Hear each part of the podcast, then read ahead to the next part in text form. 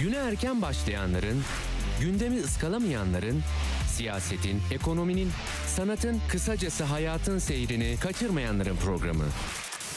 Ali Çağatay'la Seyir Hali hafta içi her sabah 7'den 9'a Radyo Sputnik'te. Ali Çağatay'la Seyir Hali başlıyor. Radyo Sputnik'te seyir halindesiniz. İstanbul 97.8, Ankara 96.2, İzmir 91.0, Bursa 101.4 ve Kocaeli 90.2 frekansından bizi dinleyebilirsiniz.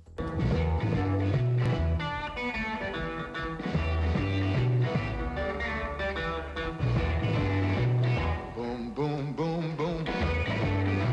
I'm gonna shoot you right down, right off of your feet. Take you home with me, put you in my house. Boom, boom, boom, boom. I love to see you strut up and down the floor when you're talking to me. That baby talk. I like it like that.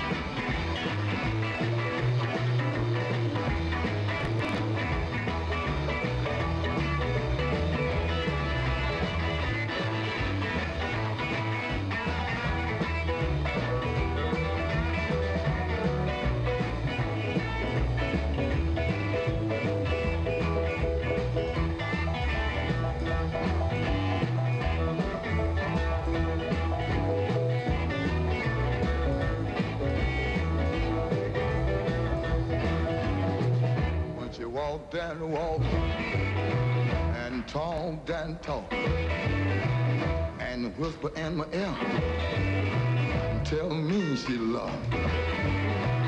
I and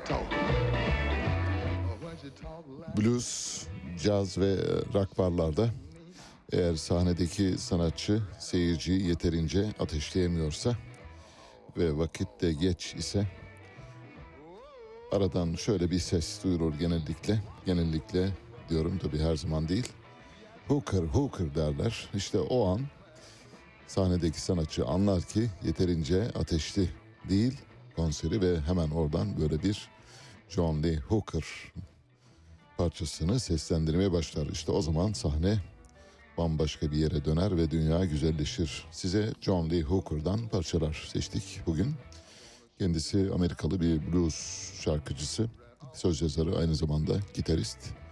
2001 yılında kaybettik kendisini. Amerikan caz dünyasında ve blues dünyasında çok özel bir yeri var. Pek çok sanatçıya esin kaynağı olmuş durumda. Carlos Santana, B.B. King, Van Morrison ve Bob Dylan'la ortak çalışmaları olan John Lee Hooker'dan parçalar seçtik. İlk parçayı biraz önce dinlediniz. Bu meşhur, çok bilinen bir parçası Bum Bum. Birazdan birkaç parça daha çalacağız. Bunu da buradan parçasını kendi ruhuna gönderiyoruz. Göğün yedinci katına başlıyoruz. Bir küçük duyurumuz var. Birkaç küçük duyuru daha doğrusu. Önce onları aradan çıkaralım. Ondan sonra haberlere başlayacağız.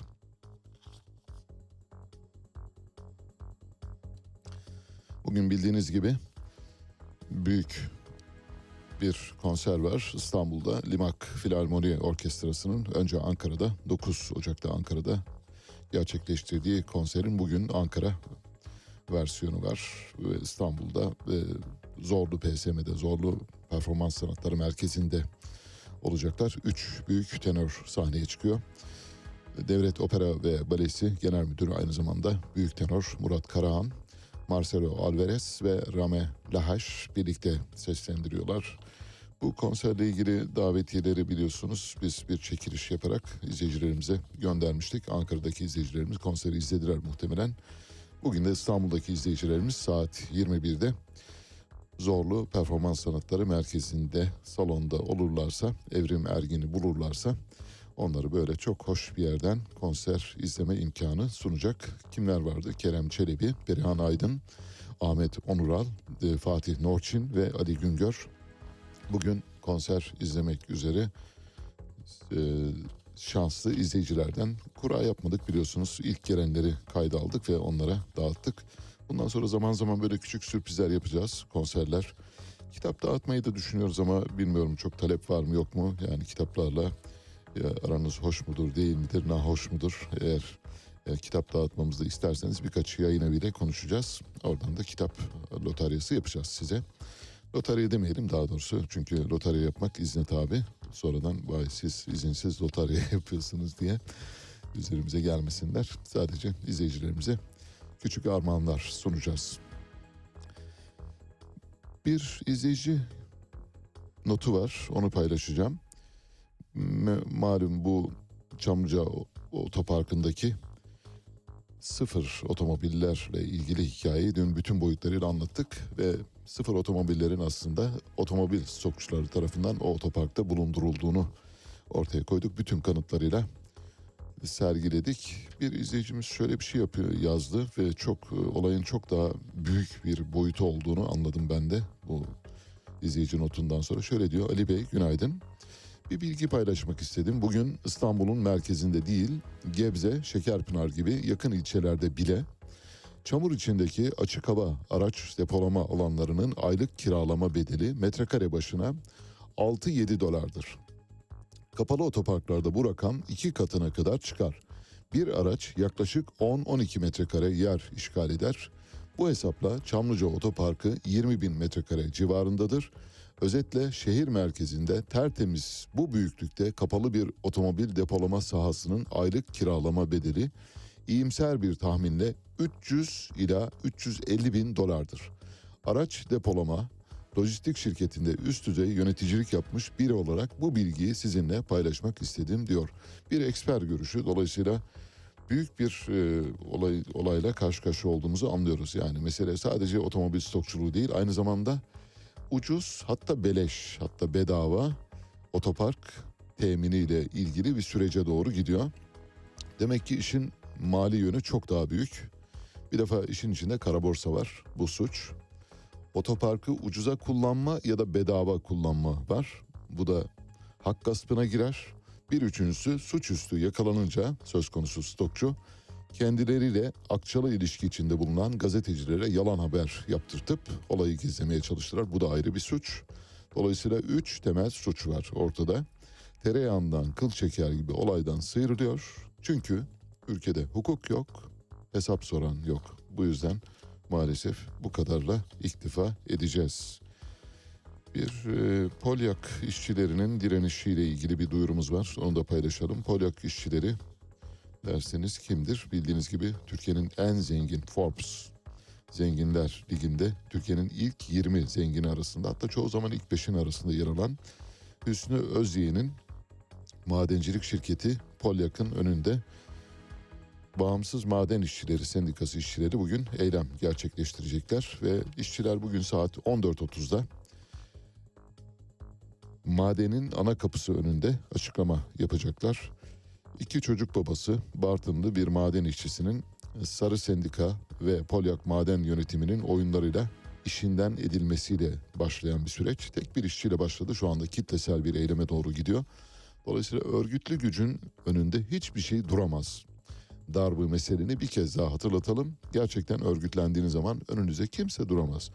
Bu sebeple bugün süresiz olarak Polyak madeninin önünde eylem gerçekleştirecek işçiler. Ayrıca FIBA Holding'in önünde olacaklar. Öz yayınlara ait vakıfların önünde olacak işçiler sırasıyla. Özyayın Üniversitesi'nin önünde olacaklar. Özyayın'a ait, Hüsnü Özyayın'a ait Swiss Otel, Bosforus'un önünde olacaklar. Hüsnü Özyeğin ve oğlu Murat Özyeğin'in evlerinin önünde, malikanelerinin önünde olacaklar. Balçova'daki İstinye Park'ın önünde olacaklar. Mark, Marks and Spencer'ın önünde olacaklar. TÜSİAD'ın önünde olacaklar. Polyak işçileriyle dayanışmamız sürüyor. Bugün eğer katılmak isterseniz saat 14.30'da Polyak Maden Ocağı'nın ağzında buluşmayı e, size duyurmuş olalım. Barajlardaki su seviyesiyle ilgili dün bir haber vermiştik hatırlarsanız. İstanbul, Ankara, Kocaeli ve birkaç e, büyükşehir belediyesinin barajlarındaki su seviyeleriyle ilgili güncel raporları paylaşmıştık. İstanbul'daki durumun son derece vahim olduğunu zaten söylüyoruz. Ankara'daki durumun da benzeri olduğunu biliyoruz. Kocaeli'ndeki verileri de baktım buldum ama örneğin Konya, Kayseri, Trabzon, Erzurum, Muğla, Aydın, Adana, Mersin, Antalya gibi yerlerdeki barajlara bakamadım. Yani o kadarına uzanamadım ama Türkiye'nin geneli için e, bir kuraklığın artık görünür hale geldiğini biliyoruz. Malum şu anda zemherinin tam ortasındayız. Hani zemheri dediğimiz kara kışın ortasındayız ve herkes gömlekle dolaşabiliyor. Hatta şu anda arkadaşlarımızdan bir gazeteci arkadaşımız Veysi Dündar bir- bu kadar yılın e, insanıyım ve ilk defa İstanbul Boğazı'nın kenarında tek bir tişörtle oturabiliyorum diyor. Demek ki çok anormal bir durum var. Bu anormal durum aslında kuraklık ve kuraklıkla birlikte kıtlık getirecek bize maalesef. Kuraklık ve kıtlığın ülkelerde tarihsel olarak ayaklanmaların, başkaldırıların, kalkışmaların ve isyanların tarihiyle özdeş olduğunu biliyoruz. Bu sebeple gerçekten önlem alınmadığı takdirde de ama şu saatten sonra zaten önlem alınması mümkün değil ama büyük bir kuraklık bizi bekliyor. Bununla ilgili haberleri elbette belediyeler e, kendilerine bağlı embedded dedikleri yemlenmiş ya da e, ulufeye bağlanmış curus bahşişiyle e, onore edilmiş gazeteciler üzerinden e, tahrif etmeye çalıştılar bu haberleri. Mesela dün biz bu haberleri paylaştık. Birçok medyada var bu arada. Pek çok medyada yani sağlam haber yapan pek çok kuruluş bu konunun altını çiziyor. İstanbul'daki barajların ortalama doluluk oranı yüzde 40-45 civarında. Ve girip siz de çok rahat bakabilirsiniz. E, Çok rahat kontrol edebilecek durumdasınız. İstanbul Büyükşehir Belediyesi'nin sular idaresi İSKİ, Ankara Büyükşehir Belediyesi'nin sular idaresi ASKİ, Kocaeli Büyükşehir Belediyesi'nin sular idaresi KESKİ, e, İzmir Büyükşehir Belediyesi'nin sular idaresi İSSU'nun kayıtları ortada açıp bakabilirsiniz. Şu anda durumun son derece vahim olduğunu görebilirsiniz. Ancak bazı gazeteciler e, bir ortalamadan yola çıkarak İstanbul'daki durumun aslında o kadar vahim olmadığına dair haberler paylaştılar. Sosyal medyada var. Ya komik bile diyemiyorum öyle söyleyelim. Çünkü bir ortalama alıyorlar. Biliyoruz biliyorsunuz biz ortalama kavramına karşıyız. Biz derken elbette ortalama kavramının kendisi durumu çarpıtmaya çok müsait olduğu için karşıyız. Yani bir toplulukta bulunan insanların işte yaş ortalamasını alırken 9 yaşında bir insan var. 21 yaşında bir insan var. Topluyorsunuz 30 bölüyorsunuz. Yaş ortalaması 15 diyorsunuz. Ortalama ortalamanın kendisini bile yansıtmıyor. Yani o topluluğu yansıtmadığı gibi kendisini de yansıtmayan bir kavram. Dolayısıyla ortalama sahte bir kavram. Fake bir kavram. Ortalamayı kullandığınız takdirde her şeyi farklı gösterebilirsiniz. Daha iyi de gösterebilirsiniz. Daha kötü de gösterebilirsiniz. Şimdi barajların ortalamasını almışlar bu haberlerde. Mesela ASKİ, İSKİ, KESKİ, İSSU'nun baraj ortalamalarını özellikle İSKİ'nin baraj ortalamalarını almışlar. Ve o ortalamaya göre İstanbul'daki barajların ortalama yüzde 40-45 civarında suyunun kaldığını ifade ediyorlar. Şöyle yapıyorlar hesabı. Ee, son cümlemi söyleyeyim öyle kapatacağım bu bahsi. Mesela diyelim ki barajın biri su taşıma kapasitesi en küçük olan baraj. Su taşıma kapasitesi en küçük olan barajdaki doluluk oranı yüzde 90. İyi mi? Koyduk kenara. Peki su taşıma kapasitesi en fazla olan barajın doluluk oranı ne? Diyelim yüzde 30. 90 artı 30 topluyorsunuz. 120 bölüyorsunuz. Yüzde 60 çıkıyor. Nasıl ortalama? Oysa ortalama yüzde 40, 45 söylüyorum. Büyük bir kuraklık geliyor. Sakın bu tür imal edilmiş haberlere kanmayınız ve önlemleri elinizden bırakmayınız. Yani, yani yapabileceğiniz şeyler nedir? Vallahi çok sınırlı. İşte apartmanınıza daha büyük bir depo yaptırmak, deponuzun bakımını yapmak falan gibi şeylerle en azından susuzluğunuza karşı bir çözüm bulabilirsiniz. O yüzden de bu embedded gazetecilerin yaptıkları ulufe ile beslenen gazetecilerin yaptıkları haberlere lütfen itibar etmeyiniz. Büyük bir kuraklık bizi bekliyor maalesef. Hala bugün mesela bugün itibariyle İstanbul'da yağmur hafif çiseliyor. O kadar ki yerleri ıslattı. Hani o otomobillerin mesela sileceklerinin çalışmasına ihtiyaç duyulmayacak kadar bir yağmurdan bahsediyoruz. Ki şu anda işte zemherinin bitmesine biliyorsunuz 30 Ocak itibariyle zemheri bitecek.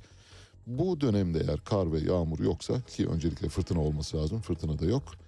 O zaman demek ki biz büyük bir tehlikenin eşiğindeyiz. Bir küçük haber daha verelim. Önemli futbol dünyasından Fransa'nın önemli oyuncularından milli takım kalecisi Loris. Çok büyük bir kaleci bu arada söyleyelim. Belki de tüm zamanlar itibariyle dünyada 10 kaleci sayabilirsek onlardan birinin e, birinin Loris olacağını söyleyebiliriz. Loris dün itibariyle Fransa milli takımından ayrıldığını açıkladı. Yani milli takım kariyerini sonlandırdığını ifade etti. Fransa formasıyla 2018'de Dünya Kupası'na, 2021'de UEFA Uluslar Ligi şampiyonluğunu yaşayan 36 yaşında kendisi. 2022 FIFA Dünya Kupası ve 2016 Avrupa Şampiyonası'nda da final oynadı. Loris bugüne kadar Fransa milli takımında en fazla maça çıkan oyuncu aynı zamanda. Yani kaleci olmasının ötesinde futbolcu olarak en fazla maça çıkan oyuncu 145 kez milli maça çıkmış. En fazla kaptanlık yapan oyuncu aynı zamanda 121 kez kaptanlık yapan bir oyuncu emektar Loris. Kendisini buradan sevgiyle uğurluyoruz. HDP'nin ardından Cumhuriyet Halk Partisi ve İyi Parti'de AK Parti'nin anayasa değişiklik teklifini görüşmek için yaptığı randevuyu reddetti. Böylece şu anda muhalefet, ana muhalefet, yavru muhalefet, küçük muhalefet ne, ne derseniz deyin hepsinin e, AK Parti'ye ve Cumhur İttifakı'na kapısının kapalı olduğunu biliyoruz. Bu yerinde olumlu ve sağduyulu bir harekettir. Bence muhalefetin bu tür oyunlara gelmemesi gerektiğini düşünüyoruz. Çünkü getirmek istenen anayasa değişikliği gerçek anlamda Türkiye'nin ihtiyaçlarına cevap verecek bir anayasa değişikliği değildir. Sadece başörtüsünü ve evlilik e, kurumunu farklı biçimde legalize etmeye yönük bir e, yönelik bir e, içeriğe sahip. Bu bakımdan Türkiye'nin ihtiyaçlarıyla uyuşmayan hatta Türkiye'nin ihtiyaçlarının bu olmadığını zaten biliyoruz. O yüzden de muhalefetin bu karşı çıkışını olumlu buluyoruz, alkışlıyoruz kendilerini. Kemal Kılıçdaroğlu dün şöyle bir paylaşımda bulundu. Erdoğan beni eleştirirken kendisini askerlere alkışlatır oldu. Komuta kademesi haddini bilsin, siyaset askerin işi değildir dedi. Çok yerinde bir çıkış bence askerlerin de hakikaten ayağını denk alması lazım söylüyorum. Çünkü bugünler geçer. Yarın başka bir dönem başlar. Bugün alkışladığınız kişiyi yarın yermek zorunda ya da zemmetmek zorunda kalmayabilirsiniz, kalabilirsiniz. En azından kendinizi o zaman daha rahat savunabilirsiniz. Ben izledim bu görüntüleri. Yani dehşet içinde izledim öyle söyleyeyim. Muhtemelen kalabalıktan bir ya da iki kişi alkışı başlattı. Diğerleri de buna uymak zorunda kaldı. Çünkü kameralar orada, herkes orada, göz önünde. İşte filanca alkışlamadı diye ondan sonra medyada haber olursunuz. Olursunuz. Olursunuz, olmak zorunda kalırsınız. Dolayısıyla o suça ya da öylesi bir duruma düşmemek için bu koroya iştirak ediyorsunuz. Herkes alkışladı. Tabii gönüllü alkışlayanlar var, gönülsüz alkışlayanlar var. Fakat askerlerden birkaçının böyle avuçları patlayıncaya kadar alkışladığını gördüm. Utanç verici. Tek kelimeyle söylüyorum. Askerler yani askerlerin bir e, siyasi kişiliğin hatta hatta kendi komutanlarının bile konuşmaları sırasında alkışlaması beklenmez, düşünülmez ve olmaz. Ama başka bir gelenek geldi Türk ordusuna. Bam- Bambaşka bir gelenek enjekte edildi maalesef. Bu yüzden Kemal Kılıçdaroğlu'nun bu uyarısını son derece yerinde buluyorum. Hazine ve Maliye Bakanlığı taşınmazların gerçek değeriyle tapudaki değeri arasındaki farkı azaltacak bir çalışma başlattı. Ne amaçla başlattığını birazdan size izah etmeye çalışacağım. Şimdilik sadece haberi biliniz. Ee, taşınmazlarla tapu arasındaki fiyat makası çok açılmaya başladı. Şöyle konut fiyatları çok yükseldi. Artık konuta erişmek mümkün olmadı. Konut fiyatları bu kadar yükselince vergisi yükseliyor. Vergisi yükselince alıcıyla satıcı bir araya geliyorlar. Kafa kafaya veriyorlar. Şöyle diyorlar. Hacım bu dairenin ya da bu apartmanın ya da bu malikanenin, bu ofisin fiyatı nedir? Mesela 5 milyon TL değil mi? Biz bunu bir buçuk yapalım. Bir buçuk üzerinden tapuya gidelim. Sonra aramızda anlaşırız diyorlar. İşte bu şu anda bir muaza dönemi başladı. Bu muaza dolayısıyla da devletin vergi kaybı var. Bu vergi kaybının önüne geçmek için Hazine ve Maliye Bakanı sopa gösteriyor. Dikkat edin diyor, takip ediyoruz diyor. Vallahi yapamazsınız. Hiçbir şey yapacak durumda değilsiniz. Kaç kişiyi takip edebilirsiniz ve kaç kişiye ceza verebilirsiniz? Memleketin tamamı bu şekilde alıp satımı yapıyor. Yani alım satımlarda bu makas olağanüstü. 20 milyon liralık bir malikanenin ya da 20 milyon liralık bir gayrimenkulün 10 milyon liraya, 5 milyon liraya, 2 milyon liraya satıldığına dair kayıtlar var. Gidip bakabilirsiniz. Kaç kişiyi ce- cezalandıracaksınız? Kaç kişiye ceza verebilirsiniz? Memleketin tamamı bu şekilde hareket ediyor. Dolayısıyla hiç olmamış gibi yolunuza devam ediniz. Benden size tavsiye. Hiçbir şey yapamazlar. Hiç.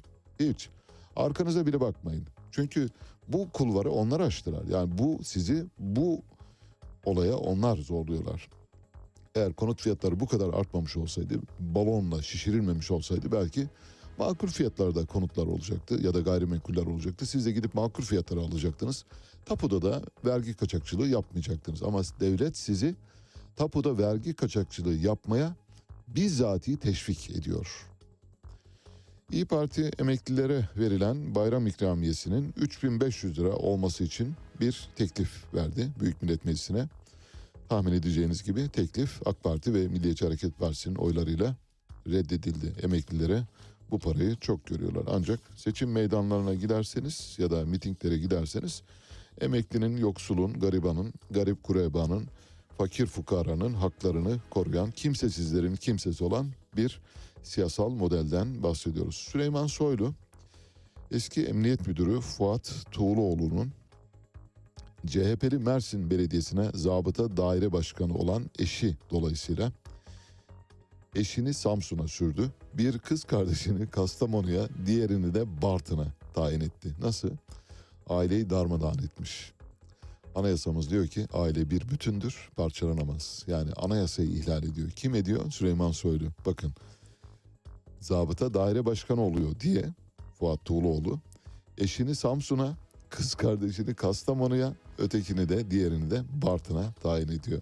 Aileyi parça parça ediyor. Hani daha fazla ne yapılabilir bilmiyorum. Yargıtay Cumhuriyet Başsavcısı Bekir Şahin HDP'nin kapatılmasına dair bir sözlü savunma yaptı. Sıkı durun şimdi sözlü savunmadaki HDP'nin kapatılma temel gerekçelerinden birini söylüyorum. Başsavcılığın temel gerekçelerinden birini söylüyorum. Temel gerekçe diyorum. Kaç tane temel gerekçesi var bilmiyorum ama ha bu mesela temel gerekçe arasına giremez. Böyle bir şeyi bir savcı savlayamaz, öne süremez, iddia edemez. Ama maalesef ediyor maalesef. Diyarbakır il binası önünde, HDP'nin Diyarbakır il binası önünde oturma eylemi yapan anneleri gerekçe gösteriyor HDP'nin kapatılması davasına. Peki Diyarbakır HDP il binasının önünde oturan anneler niçin oturuyor? Çocuklarımızı PKK aldı diyorlar. Çocukları alan PKK nerede? İmralı'da. Çocukları alan PKK'nın lideri nerede? İmralı'da ve e, Kandil Dağları'nda. Onlara gideceksiniz. Onlara söyleyeceksiniz. Onlara diyeceksiniz ki bak kardeşim bu çocukları geri verin diyeceksiniz. Onlara gücünüz yetmiyor. HDP'nin kapısında oturuyorlar diye. HDP'nin bu işte iltisaklı olduğunu düşünerek başsavcılık bir temel gerekçe oluşturuyor. Yani komik bile değil söyleyeyim. Rıza Türmen HDP'nin ya da Demokrasi Bloğu'nun HDP'nin başını çektiği Demokrasi Bloğu'nun Cumhurbaşkanı adayı olarak öne çıkıyor. Buna ilişkin epey bir yazılıp çizilen şey var dünden bu yana. HDP kendi adayını çıkaracak denilince hatta biz dün Murat Çepni ile Halkların Demokratik Partisi İzmir Milletvekili Murat Çepni ile konuştuğumuzda sordum ben hatırlarsanız dedim ki adayınız var mı? Var. Peki adayın ismi zikredildi mi? Hayır dedi. Adayı nasıl belirleyeceksiniz? Tamamen karar organlarına başvurarak yapacağız dedi. Herkes olabilir dedi. Hatta HDP dışından biri de olabilir dedi. Şimdi anlıyoruz ki HDP dışından bir aday olabilir. Ve bence olağanüstü bir aday, olağanüstü, mükemmel. Yani Türkiye'nin Cumhurbaşkanı'na çok yakışacak bir isim geliyor. Rıza Türmen'in adı geçiyor şu anda. Rıza Türmen bir uluslararası hukukçu. Türkiye'yi Avrupa İnsan Hakları Mahkemesi'nde uzun yıllar temsil etmiş. Erdal İnönü ekolüne çok yakın bir siyasetçi kimliği var. Erdal İnönü deyince yan yana koyun mesela. Onun bir ruh ikizi gibi birinden bahsediyoruz. Bu bakımdan Türkiye'nin Cumhurbaşkanlığına çok yakışacağını düşünüyorum ama olur mu? Bilmiyoruz. Bakalım göreceğiz. Rıza Türmen'i şöyle bir uzak çekim bir tanıyalım isterseniz. Kendisi hukukçu, diplomat ve aynı zamanda Cumhuriyet Halk Partisi'nden milletvekili. İstanbul Üniversitesi Hukuk Fakültesi mezunu. Kanada'da McGill Üniversitesi'nde yüksek lisans eğitimi yaptı. Ankara Üniversitesi Siyasal Bilgiler Fakültesi'nde doktorasını tamamladı ve hukuk doktoru oldu. Arkasından Dışişleri Bakanlığı'na girdi. 1985 yılında Türkiye'nin en genç büyükelçisi olarak Singapur'a atandı. 1995-96'da Bern Büyükelçisi oldu. 96-98 arasında Avrupa Konseyi'nde Türkiye'yi daimi temsilci olarak temsil etti. Türkiye'nin uluslararası hukuk alanındaki en yetkin uzmanlarından bir tanesi iddia ediyorum. Hani daha yetkini vardır elbette biz bilmiyor olabiliriz. O da bizim ayıbımız ama çok yetkin bir hukukçu olduğunu biliyorum. Çok sayıda alıntı yapılıyor kendisinden. 1998'de Avrupa İnsan Hakları Mahkemesi yargıçlığı yaptı. 2008'e kadar bu görevi sürdürdü. Arkasından Işıl Karakaş geldi. Ee, bildiğiniz gibi Işıl Karakaş uzun bir dönem yaptı. Şimdi bir başka hukukçu var. O da iyi bir hukukçu bu arada. Avrupa İnsan Hakları Mahkemesi'ne fena sayılmayacak kariyere sahip bir hukukçu gönderdik. Ee, Işıl Karakaş'tan sonra. 12 Haziran 2011 seçimlerinde Rıza Türmen Cumhuriyet Halk Partisi İzmir milletvekili oldu. Halen Büyük Millet Meclisi Anayasa Uzlaşma Komisyonu üyesi eğer seçilirse Cumhurbaşkanı olursa Türkiye bambaşka bir yere doğru gider söylüyorum size. Türkiye birdenbire mesela İsviçre ligine doğru yolculuk yapar. Tabii birkaç günde değil elbette birkaç yılda değil. Birkaç on yılda Türkiye İsviçre'ye doğru İsviçre liginde Türkiye'nin Türkiye'nin adı sayılırken aralarında Türkiye, İsveç, Norveç, e, Da- Danimarka'nın da bulunduğu ülkeler diye mesela böyle bir tamlama kullanılabilir. Eğer Rıza Türmen Cumhurbaşkanı olursa ve bugünkü yetkilerle Cumhurbaşkanı olursa. Yani Cumhurbaşkanının yetkilerinin azaltılması durumunda. Tabii parlamenter sisteme geçirmesini elbette isteriz ama parlamenter sisteme geçirmeden önce bugün ortaya çıkan bu tahrifatın, bu travmanın, bu depresyonun, bu bozulmanın ortadan kaldırılması için bir restorasyon dönemine ihtiyaç var. Bu restorasyon döneminin adamı olarak Rıza Türmen çok iyi bir seçim olabilir. Tabii Türk halkına bağlı elbette sandıktan kim çıkar bilmiyoruz. 3,5 milyar liralık borcu olan bir belediye var. Bu belediye Samsun Büyükşehir Belediyesi AK Partili Samsun Büyükşehir Belediye Başkanı Mustafa Demir. Belediyenin 3,5 milyar lira borcu varken 7,5 milyon liraya bir lüks makam aracı aldı Audi aldı ve sordular dediler ki Sayın Başkan belediyenin bu kadar borcu var neden bu aracı aldınız 7,5 milyon lira çok büyük para. Vallahi dedi hani vergiden kaçmak için belediyeler biliyorsunuz kendilerine tanınan bazı avantajlar dolayısıyla vergisiz otomobil ithal edebiliyorlar. O yüzden bunu kullanmak için hani bu ne diyelim e, merdi kıpti şecaat arz eyler sirkatin söylerken tam bu örnek. Hani özrü kabahatinden büyük dediğimiz budur. Bu kadar borcunuz var yani işte bu kadar borcu varken ayranı yok içmeye meselesine doğru geliyor. Taliban kadınların eğitimini yasaklamadık erteledik dedi. Nasıl? Şahane bence müthiş vallahi büyük bir retorik kullanıyorlar. Yasaklamadık şimdilik askıya aldık. Ne zamana kadar bilmiyoruz işte bir, bir tarihte kadınların eğitimini tekrar başlatacağız. Peki o aradaki o boşluk dönemi ne olacak? E artık o kadar olur yani o kadar kusur olur yani. Katlanacaksınız yani memlekette her şey İsviçre standartında değil. Muhtemelen Taliban da İsviçre standartında bir ülke olmak için çaba gösteriyor. Şimdilik kadınların eğitimini yasaklamadık, erteledik diyor. Ne zaman tekrar serbest bırakacaklarını bilmiyoruz. İsveç'te çok güzel bir gelişme var. Tüm dini okulları yasaklamayı planlıyor İsveç. Tüm. Devlete bağlı, devlet dışında yani sivil toplum örgütleri bünyesinde olan ya da devlete bağlı olan bütün dini okulları yasaklamayı planlıyor. Biliyorsunuz papaz okulları var, ruhban okulları var ve Avrupa'nın pek çok yerinde özellikle Katolik inancına mensup olan Avrupa ülkelerinde bu çok yaygındır.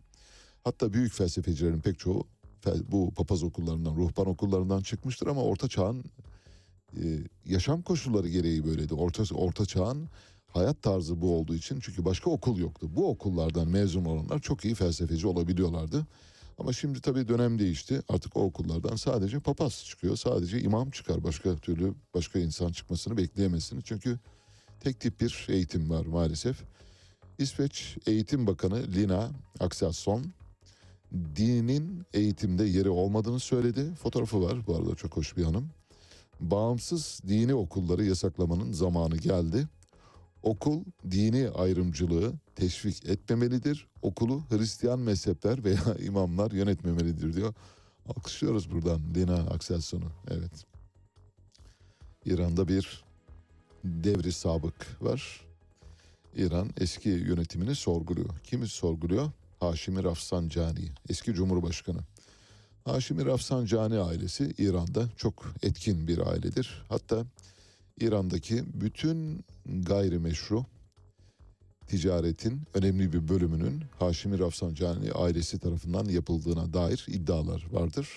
Hatta somut kanıtlar vardır. Mesela İran'a giren her türlü alkol, her türlü sigara ve her türlü bu benzeri keyif verici ithalatı serbest olmakla birlikte diğer ülkelerde ya İran'da yasaklanan bu ürünlerin ithalatının önemli bir bölümünü yani içki ve sigara ithalat tekeli Haşimi Rafsanjani ailesinin elindedir. Eski Cumhurbaşkanı Rafsanjani'nin kızı 5 yıl hapse mahkum edildi.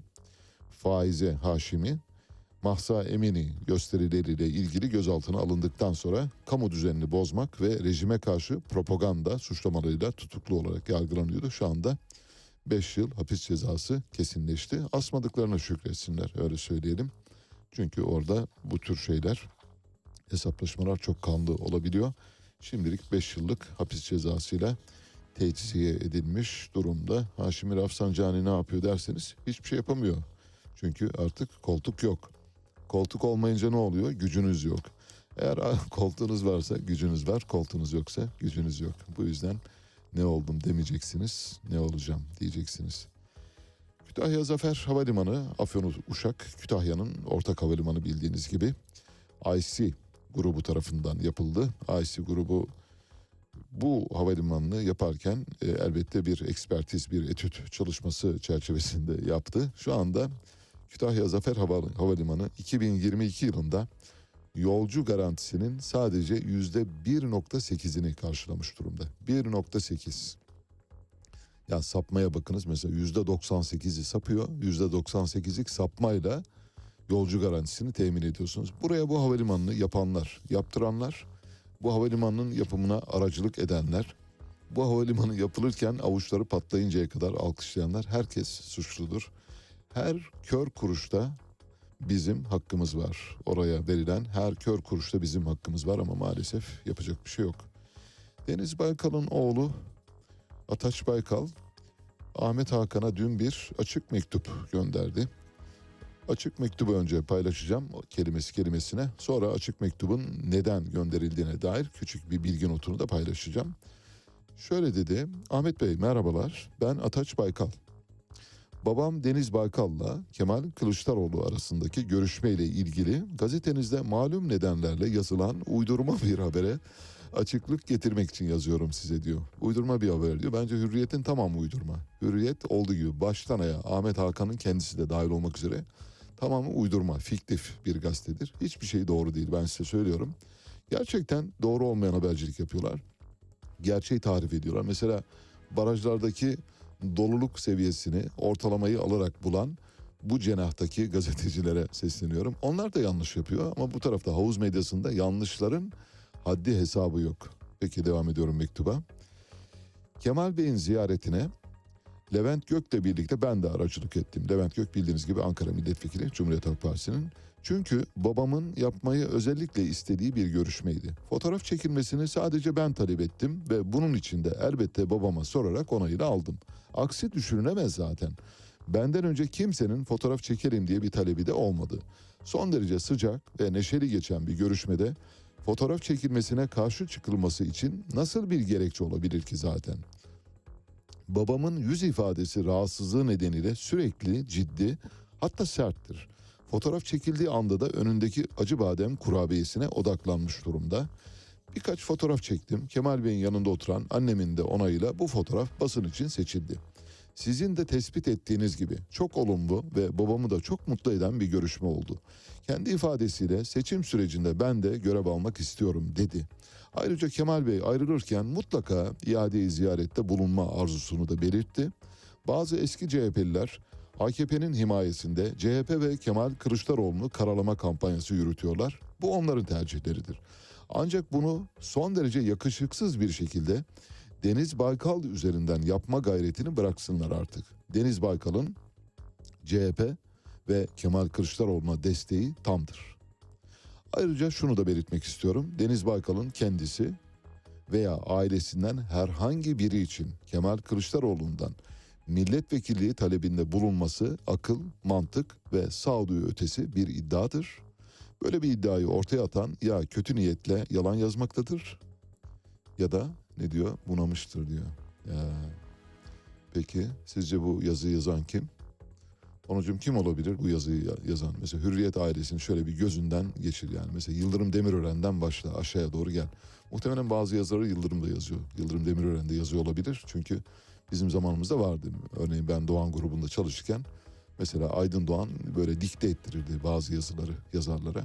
Hiçbir şey bilmediği halde yani sıfır bilgiye sahip olduğu halde o böyle anlı şanlı köşe yazarlarına yazı, yazı dikte ettirdiğini biliyorum.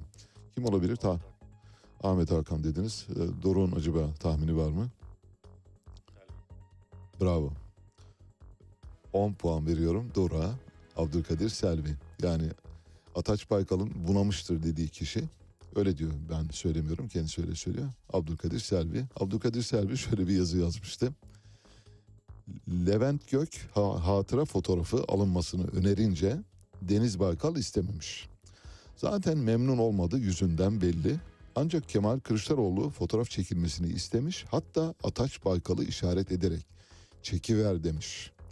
Fotoğrafı Ataç Baykal çekmiş diye bir yazı kaleme almıştı. Bu yazıdan mütevellit Ataç Baykal Ahmet Hakan'a bir açık mektup gönderiyor. Bunu yazan diyor ya kötü niyetlidir ya da bunamıştır diyor. Vallahi tercih size kalmış. Çok değerli Radyo Sputnik izleyicileri değerlendirmeyi size bırakıyoruz. Abdülkadir Selvi kötü niyetli midir, bunamış mıdır? Karar size ait. Biz çıkıyoruz kenara. AK Parti Yozgat Sorgun Akdağ madeninde bir duble yol yapıyor. AK Parti demeyelim de Ulaştırma Altyapı Bakanlığı. Ulaştırma ve Altyapı Bakanlığı bir duble yol yapıyor. Duble yollarla biliyorsunuz çok övünüyor. Siyasal iktidar çok seviyorlar. Bir de duble yollarla ilgili benim tespitim. Onu da belirtmiş olayım yeri geldiğinde gelince. Duble yolların işte bugüne kadar 15 bin tabii en son rakam buydu. Muhtemelen 20 bin kilometreye çıkmıştır. Örneğin rakam telaffuz edilirken Ulaştırma Altyapı Bakanlığı bugüne kadar 15 bin kilometre duble yol yaptık falan diyorlar ya yalan. Niye yalan söyleyeyim size. 15 bin kilometre değil 15 bin kilometre yolun yanına iki tane şerit koyuyorsunuz. Oluyor size duble yol. Zaten orada iki şerit var yani bir gidiş bir geliş var. Yani Allah oraya zamanında bir yol yapmayı nasip etmiş kullarına. Oradan birileri gidip geliyor. Yoksa oradan birileri gidip gelmiyorsa orada yerleşim olur mu? Olmaz. E demek ki orada bir yol var. Şimdi bir yol var. Gidiş geliş yanına bir gidiş geliş daha yapıyorsunuz. Araya da bir tane bariyer çekiyorsunuz. Oluyor size duble yol. Çarpıyorsunuz 2 ile ne oluyor? 2 katı oluyor. 7500 kilometre yol yapıyorsunuz. Bunu 15000 kilometre diye söyleyebilirsiniz. Hiçbir sakıncası yok çünkü öbür tarafta da bir iyileştirme yapıyor. Hani yolu böyle aldığı gibi bırakmıyor. O gidiş geliş tek şeritli yola epey bir epey bir harcama yapılıyor. İşte oranın asfaltı yenileniyor, güzelleştiriliyor, altyapısı gözden geçiriliyor, muhtemelen stabilizasyonu sağlanıyor. Bir şeyler yapılıyor ama sonuçta yapılan yol 7500 kilometredir. Diğerleri tadilata girer. Şöyle dense olur. Bugüne kadar Türkiye'de 7500 kilometre duble yol, 7500 kilometrede yol tadilatı yaptık deseler olur ama bunu 15000 kilometre diye söyleyince doğru olmuyor. İşte o 15 bin kilometre kapsamına giren yollardan bir tanesi Yozgat Sorgun Akdağ Madeni yolu. Bir ihale yapılması gerekiyordu. İhalesiz verildi ve doğrudan davetiye usulüyle 2 milyar 253 milyon liralık bir e, şeyden bahsediyoruz. e, inşaattan bahsediyoruz. İhaleye 6 firma çağrılıyor. Özel olarak davet edilen Asmin Taahhüt firması Solis iş ortaklığına 2 milyar 24 milyon liraya veriliyor. 6 firmayı çağırıyorsunuz. karşınıza diziyorsunuz bardak gibi. Diyorsunuz ki sen sen gel. Peki biz vallahi sizi çağırdık ama yani kusura bakmayın. Vallahi çok özür dileriz. Yani işinizden de alıkoyduk. Ee, bir çay için ha. Vallahi evet evet vallahi. Oğlum çay ver çay ver. Şekerleri de beraberinde olsun. Oğlum çay ver. Oğlum çaylasana bizi. Hikaye bu. Ya korkunç bir korkunç bir ülkede yaşıyoruz farkında mısınız? Yozgat Sorgun Akdağ Madeni. Yolun bölümleri şöyle. Akdağ Madeni şehir geçişi, Akdağ Madeni çevre yolunu kapsayacak şekilde 23 Aralık'ta imzalandı bu anlaşma. 7 Ocak'ta yapım çalışması başladı. 3 Kasım 2023'te ise sona erecek. Yani bu yılın sonunda bitecek diye düşünüyoruz. Oğlum çay ver. Oğlum, oğlum çay versene abileri. Bak gelmişler. Ta nereden gelmişler? Tamam. İçmiyor musunuz? Neden? Sevmiyorum. Ha çayı sevmiyorsunuz. Peki kahve? Yok. Kahve yok. Biz içmeyelim. E, neden? Şey yok. Biz gidelim. Peki. E gidin. Tamam peki. Biz çok zahmet verdirdik size. Gerçekten buraya kadar yorduk. Ee, yani hakikaten yorduk ama yani mahcubuz size karşı. İhale veremedik. E ne, ne? Çay vereceğiz. Çay içmiyor musunuz? Kahve? E su verelim. Yok onu da içmiyorsunuz. Niyetli misiniz? Yok değil. Peki niye içmiyorsunuz? Çıldırasıya bir şey ya. Vallahi yemin ederim. Boğaziçi Üniversitesi'nin kayyum dekanlarından biri.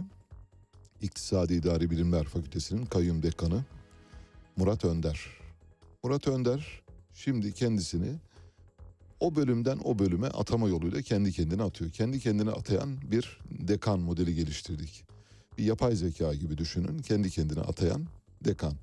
O, o orada bir boşluk var. Oraya atıyor. Sonra bakıyor filan yerde de bir boşluk oldu. Oraya da atıyor. Her yere kendini atayabiliyor Murat Önder. Siyaset Bilimi ve Uluslararası İlişkiler bölümünde vekaleten başkan olarak atandı. Kendisi İktisadi İdari Bilimler Fakültesi dekanı. Ayrıca başka bir bölüme de vekalet ediyor. Senato bu normalde senato kararıyla olması lazım. Öğretim üyelerinin oylarıyla seçilmesi gerekirken Murat Önder fakültedeki 3 bölümden ikisi olan işletme ve ekonomi bölümlerine kendisini bölüm başkanı olarak atadı. Geçtiğimiz hafta ekonomi bölüm başkanlığından istifa ediyor. Bu arada kendi kendine istifa da edebiliyor. Yani kendini atıyor ve istifa ediyor. Otomasyona bağlanmış durumda çünkü yapay zeka kendisi. Şimdi de siyaset bilimi ve uluslararası ilişkiler bölümüne atamış durumda. Neden böyle yapıyor derseniz bence eşsiz bir öğretim üyesi.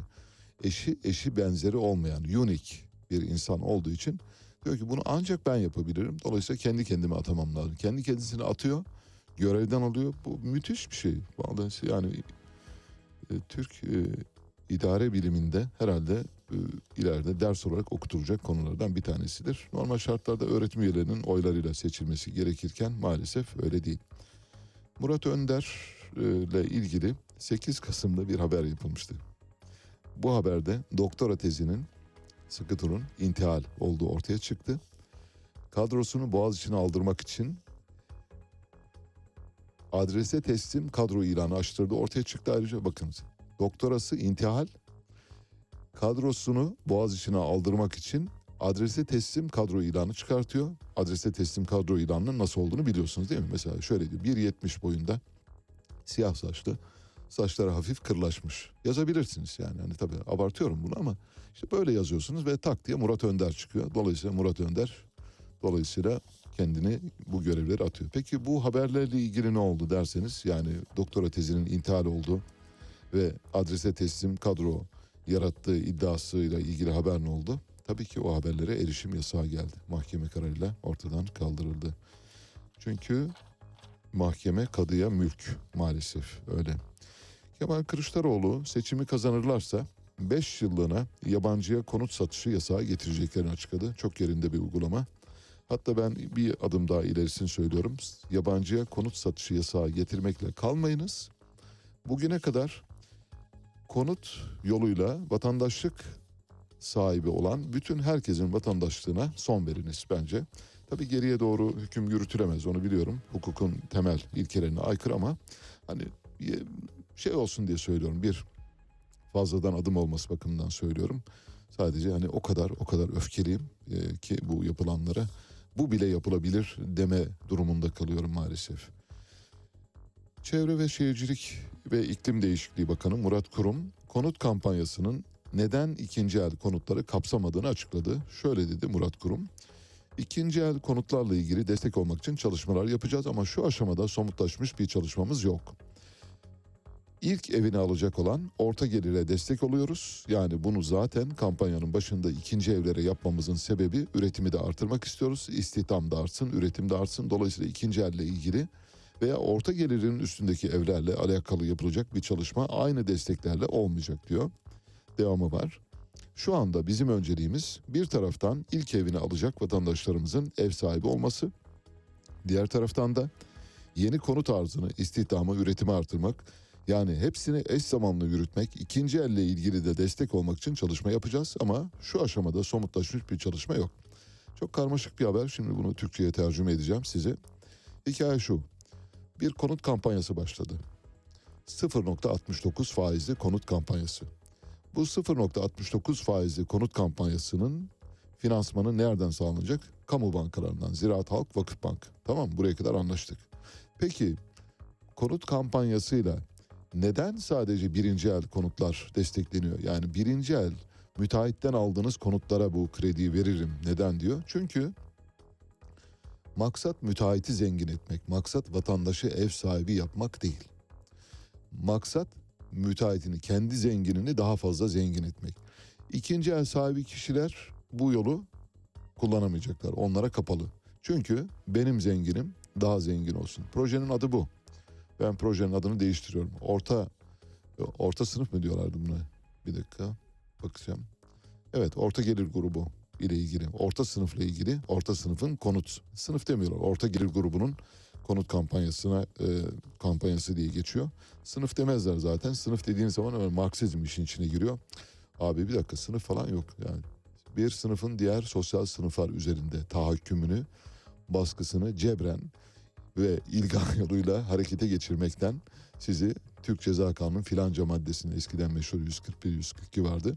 Sizi mahkum ediyoruz ya mahkeme kararı görüşünü açıklardı. O yüzden sınıf kullanmıyorlar. Bu kararın altında yatan sebep şu. Birinci el konu kampanyasıyla bir takım müteahhitlerin daha fazla zengin edilmesi, onların daha fazla paraya kavuşması. Eğer gerçekten orta gelir grubunun konut sahibi olması hedefleniyor olsaydı hemen bu kampanyanın ikinci el konutlara da teşmil edilmesi gerekirdi. Ama teşmil edilmiyor çünkü işin içinde başka bir şey var. Peki evet ufak ufak habere gideceğiz. Haberlerden sonra Binali Yıldırım dosyasını e, kaldığımız yerden devam ettireceğiz. Biliyorsunuz Binali Yıldırım dosyası böyle çok heyecanlı yerinde yarım kalmıştı. O dosyayla devam edeceğiz. Arkasından epey bir haberimiz de var bu arada. Onları da size aktarmaya çalışacağız. Size bugün Hooker çalıyoruz. John Lee Hooker. Blues'un büyük ustası. Biraz önce bum bum dedi. Şimdi don't look back diyor. Birazdan Mehtap Yeni Doğan saat başı haberlerle karşınızda olacak. Don't look back or a day or yesteryear. No good. I know so many people oh, trying to live on for the past is no good. If I could call back the day, oh yesteryear, yesteryear, I never, never be poor. No good, no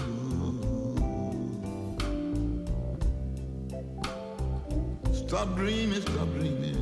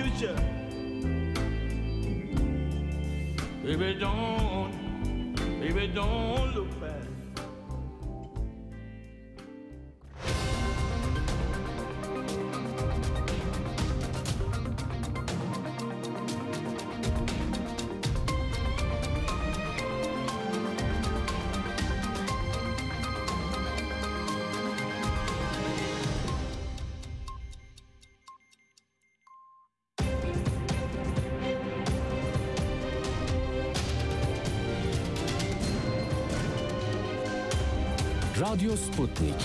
Anlatılmayanları anlatıyoruz. Saat 8 İstanbul stüdyolarından gündemden gelişmeleri aktarıyoruz. Ben Mehtap Yeni Doğan. Önce özetler. Cumhurbaşkanı Recep Tayyip Erdoğan altılı masaya adaylık üzerinden yüklendi. CHP lideri Kemal Kılıçdaroğlu Türk Silahlı Kuvvetleri Komuta Kademesi'ne hedef aldı. Siyasete müdahil olmayın dedi. Eski Ülke Ocakları Genel Başkanı Sinan Ateş'in öldürülmesine ilişkin MHP lideri Devlet Bahçeli'den ilk açıklama geldi. Ayrıntılar birazdan. Cumhurbaşkanı Erdoğan yüz yüze Türkiye esnaf buluşmasında altılı masayı hedef aldı. Erdoğan masadan çıka çıka ülkeyi 6 kişiyle yönetecekleri kararı çıktı. 6 kaptan bir gemiyi batırır, tek kaptanla bir gemi gider dedi. Bunların seçtiği Cumhurbaşkanı oyunu aldığı en az iki kişiden birine değil, masadaki altı kişiye karşı sorumlu olacakmış. Oyu millet verecek. Ülkeyi altı tane kayyum yönetecek. Millet ülkeyi yönetecek Cumhurbaşkanı arıyor. Bunlar Cumhurbaşkanını yönetecek altı kişinin derdine düşmüş. Bu çarpıklığın, bu akıl tutulmasının, bu ihtiras kumkumasının bedelini de millet ödeyecek. Yok öyle ya. Bu millet bu oyunu bozar arkadaş, bozar. Dün Türkiye Büyük Millet Meclisi'nde grup toplantıları vardı. CHP lideri Kılıçdaroğlu, Cumhurbaşkanı Erdoğan'ın Sakarya Tank Palet Fabrikası'ndaki yeni nesil fırtına obüsleri teslimat töreninde muhalefeti eleştiren açıklamalarının askerler tarafından alkışlanmasına sert tepki gösterdi. komuta kademesi haddini bilsin. Siyaset askerin işi değildir. Herkes haddini bilecek. Herkes bulunduğu makamın ne olduğunu anlayacak. Siyaset mi yapmak istiyorlar? Çıkarsınlar o kutsal üniformayı. Hizalansınlar Erdoğan'ın yanına. Perin çekede takılsınlar. Erdoğan artık o dünyaların adamı. Beraber olsunlar. MHP Genel Başkanı Bahçeli, eski Ülke Ocakları Genel Başkanı Sinan Ateş cinayetine ilişkin ilk kez konuştu.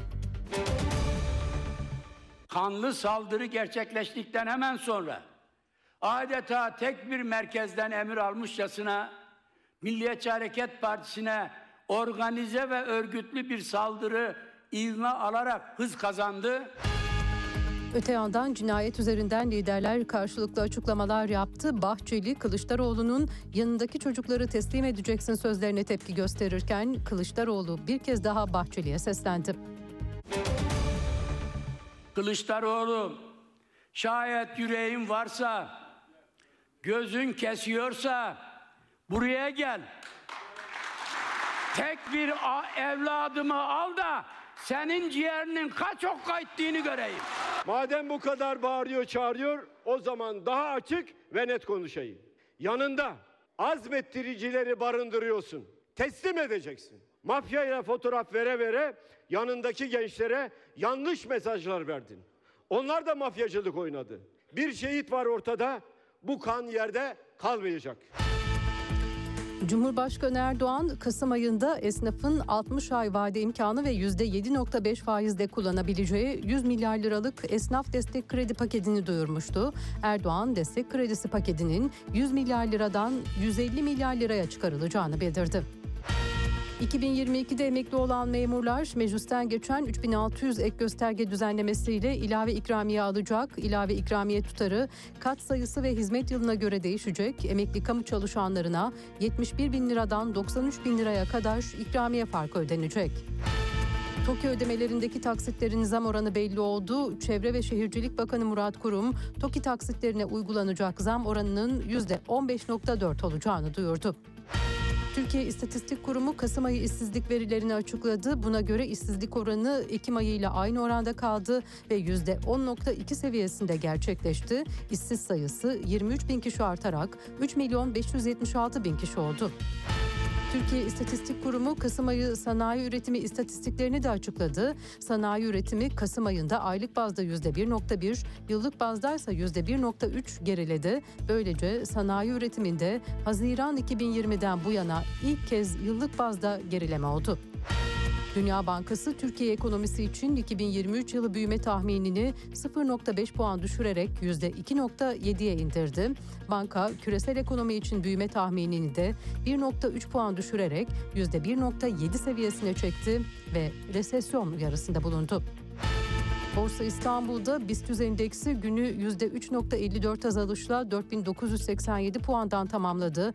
Böylece endeks tekrar 5000 puan seviyesinin altını gördü.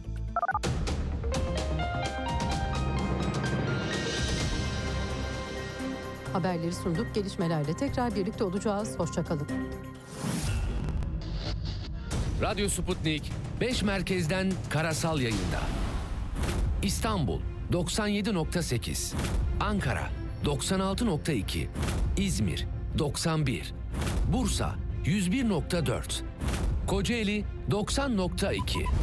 Karasal yayınlarımızın olmadığı yerlerde ise tr.sputniknews.com adresinden iOS ya da Android mobil cihazınızdan Sputnik News uygulamasını indirerek dinleyebilirsiniz. Radyo Sputnik. Anlatılmayanları anlatıyoruz. Havadan, sudan, karbon ayak izinden, yeşil mutabakattan, dünyanın yeni mottosuna uzanan, bugünden geleceğe bakan, soran, soruşturan, sorgulayan program. Olana bitene farklı bir gözle bakmak isteyenler için Meliha Okur'la Anlat Bana her pazartesi ve çarşamba saat 15'te Radyo Sputnik'te. Son dakika haberleri, canlı yayınlar, multimedya ve daha fazlası Sputnik Haber Ajansı'nın web sitesinde. Dünyanın küçük bir parçasını değil, tamamını anlamak istiyorsanız sputniknews.com.tr'yi tıklayın, habersiz kalmayın. Sputnik Türkiye artık dünyanın en çok kullanılan sosyal ağlarından biri olan Telegram'da. Hala kullanmıyorsanız önce Telegram uygulamasını mobil cihazınıza yükleyin. Ardından Türkiye'nin Telegram kanalına katılın, güncel gelişmeleri ve objektif habere hızla ulaşın. Anlatılmayanları anlatıyoruz. Radyo haberciliğinde bir klasik. Sorulmayanı soran, haberin peşini bırakmayan tarzıyla bir marka. Atilla Güner'le Akşam Postası, gündeme damga vuran konu ve konuklarla hafta içi her akşam 17'de Radyo Sputnik'te. Yolunda gitmeyen şeyleri görenler. Yolu hedeften daha fazla önemseyenler. Kervan yolda dizilir anlayışına itiraz edenler. Yolda olmak, değişmek ve değiştirmektir diyenler. Doğru frekanstasınız. Enver Aysever mikrofon başına geçiyor, sizinle birlikte yolcu yolunda gerek diyor. Enver Aysever'le Yolcu Yolunda Gerek hafta içi her akşam saat 18.30'da Radyo Sputnik'te. Güne erken başlayanların, gündemi ıskalamayanların, siyasetin, ekonominin, sanatın, kısacası hayatın seyrini kaçırmayanların programı. Ali Çağatay'la Seyir Hali hafta içi her sabah 7'den 9'a Radyo Sputnik'te. Evet, yeniden birlikteyiz. Şimdi size bir e, ses kaydı dinleteceğiz. Bu ses kaydı Rümeysa Kadak'a ait. Rümeysa Kadak, AK Parti'nin en genç milletvekili. Rümeysa Kadak uzun bir süredir, yani son 20 gündür harır harır video çekiyor ve sosyal medya ortamlarında paylaşıyor. Neden olduğunu biliyorsunuz, tahmin ediyorsunuz. E, Bilmeyenler için söyleyelim. AK Parti Z kuşağına ilişkin ve kaygılarını gidermek için yeni bir seferberlik başlattı. Z kuşağından yeterli desteği görmediğini, göremeyeceğini anlayan Cumhurbaşkanı'nın önüne gelen kamuoyu yoklamalarından da anlaşılıyor bu bildiğimiz kadarıyla. Dolayısıyla Z kuşağını kuşatma, Z kuşağıyla yeniden bir araya gelme, Z kuşağını e, kabullendirme noktasına getirmek için bir şeyler yapılmak isteniyor. Bu tabii el yordamıyla yapılmaya çalışılıyor ve el yordamıyla yapılan şeylerin de karşılığı olmaz. Kaldı ki bir de tabii yumurta kapıyı vuruncaya kadar yani yumurta kapıya gelince olmaz bu işler. Bu işin çok önceden yapılması gerekiyordu. Seçime şurada kalmış birkaç ay. O birkaç ay içinde Z kuşağının aklını çelemezsiniz. Şimdi Z kuşağının aklını çelmek için Rümeysa Kadak başta olmak üzere AK Parti'nin genç kadroları pek çok yerde sosyal medya forumları düzenliyorlar, toplantılar yapıyorlar. Onlarla tanışmaya çalışıyorlar. Bu işaretleri Selçuk Bayraktar'da da görüyoruz. Cumhurbaşkanının küçük damadı Selçuk Bayraktar Z kuşağı sayılabilir ve Z kuşağı seçmenler için de iyi bir idol oluşturduğu için o da bu ara çok fazla gözükmeye başladı. Demek ki AK Parti Z kuşağından oy alabilmek için bir şeyler deniyor. Bir oyun planı içinde fakat bunun çok faydası olmayacağını söyleyebiliriz. Rümeysa Kadak'ın son kaydını da bu çerçevede dinleyelim. Maşallah çok mutlu oldum ya. Efe'yi, öyle de vesile olur. Efe'nin çok küçüklüğünü bilirim. Efe bunu diyenler yok. Ha, dur, Vallahi kolana göster. İnşallah. Hayır Allah göstereyim. İnşallah. Geç kolana alalım. Evet aynen. Efe'yi gençleri alıyoruz. Efe'nin kaçma gibi bir ihtimali yok. Efe'nin Alın Efe. gençliğini bulabilirsiniz. Yani görünmenizde sakınca yok. Gençliğim Ben daha bebeğim. Sen de 5-6 yaşındasın Meysa abla. Aa, beş altı değil Yok mi 10 bize? yaşında falansın. Oğlum dur. Aşağı yukarı. Önce ben göreceğim tamam mı? İnşa ediyoruz. Durun. Vekilimiz biraz. Ay Allah'ım çok komik ya bakar mısınız? Bakabiliyor muyuz? Alın bakın. Efe aynı. Efe hiç değişmemiş. Ay çok güzel gel fotoğraf çekelim. Bir tane seni böyle oturtayım yine. Beceriyormuş Vekil istiyorsa yanınıza geçsin. Gel yanıma geliyorum. Geliyor. Efe geliyor. Ben mi gelin sen mi gelin?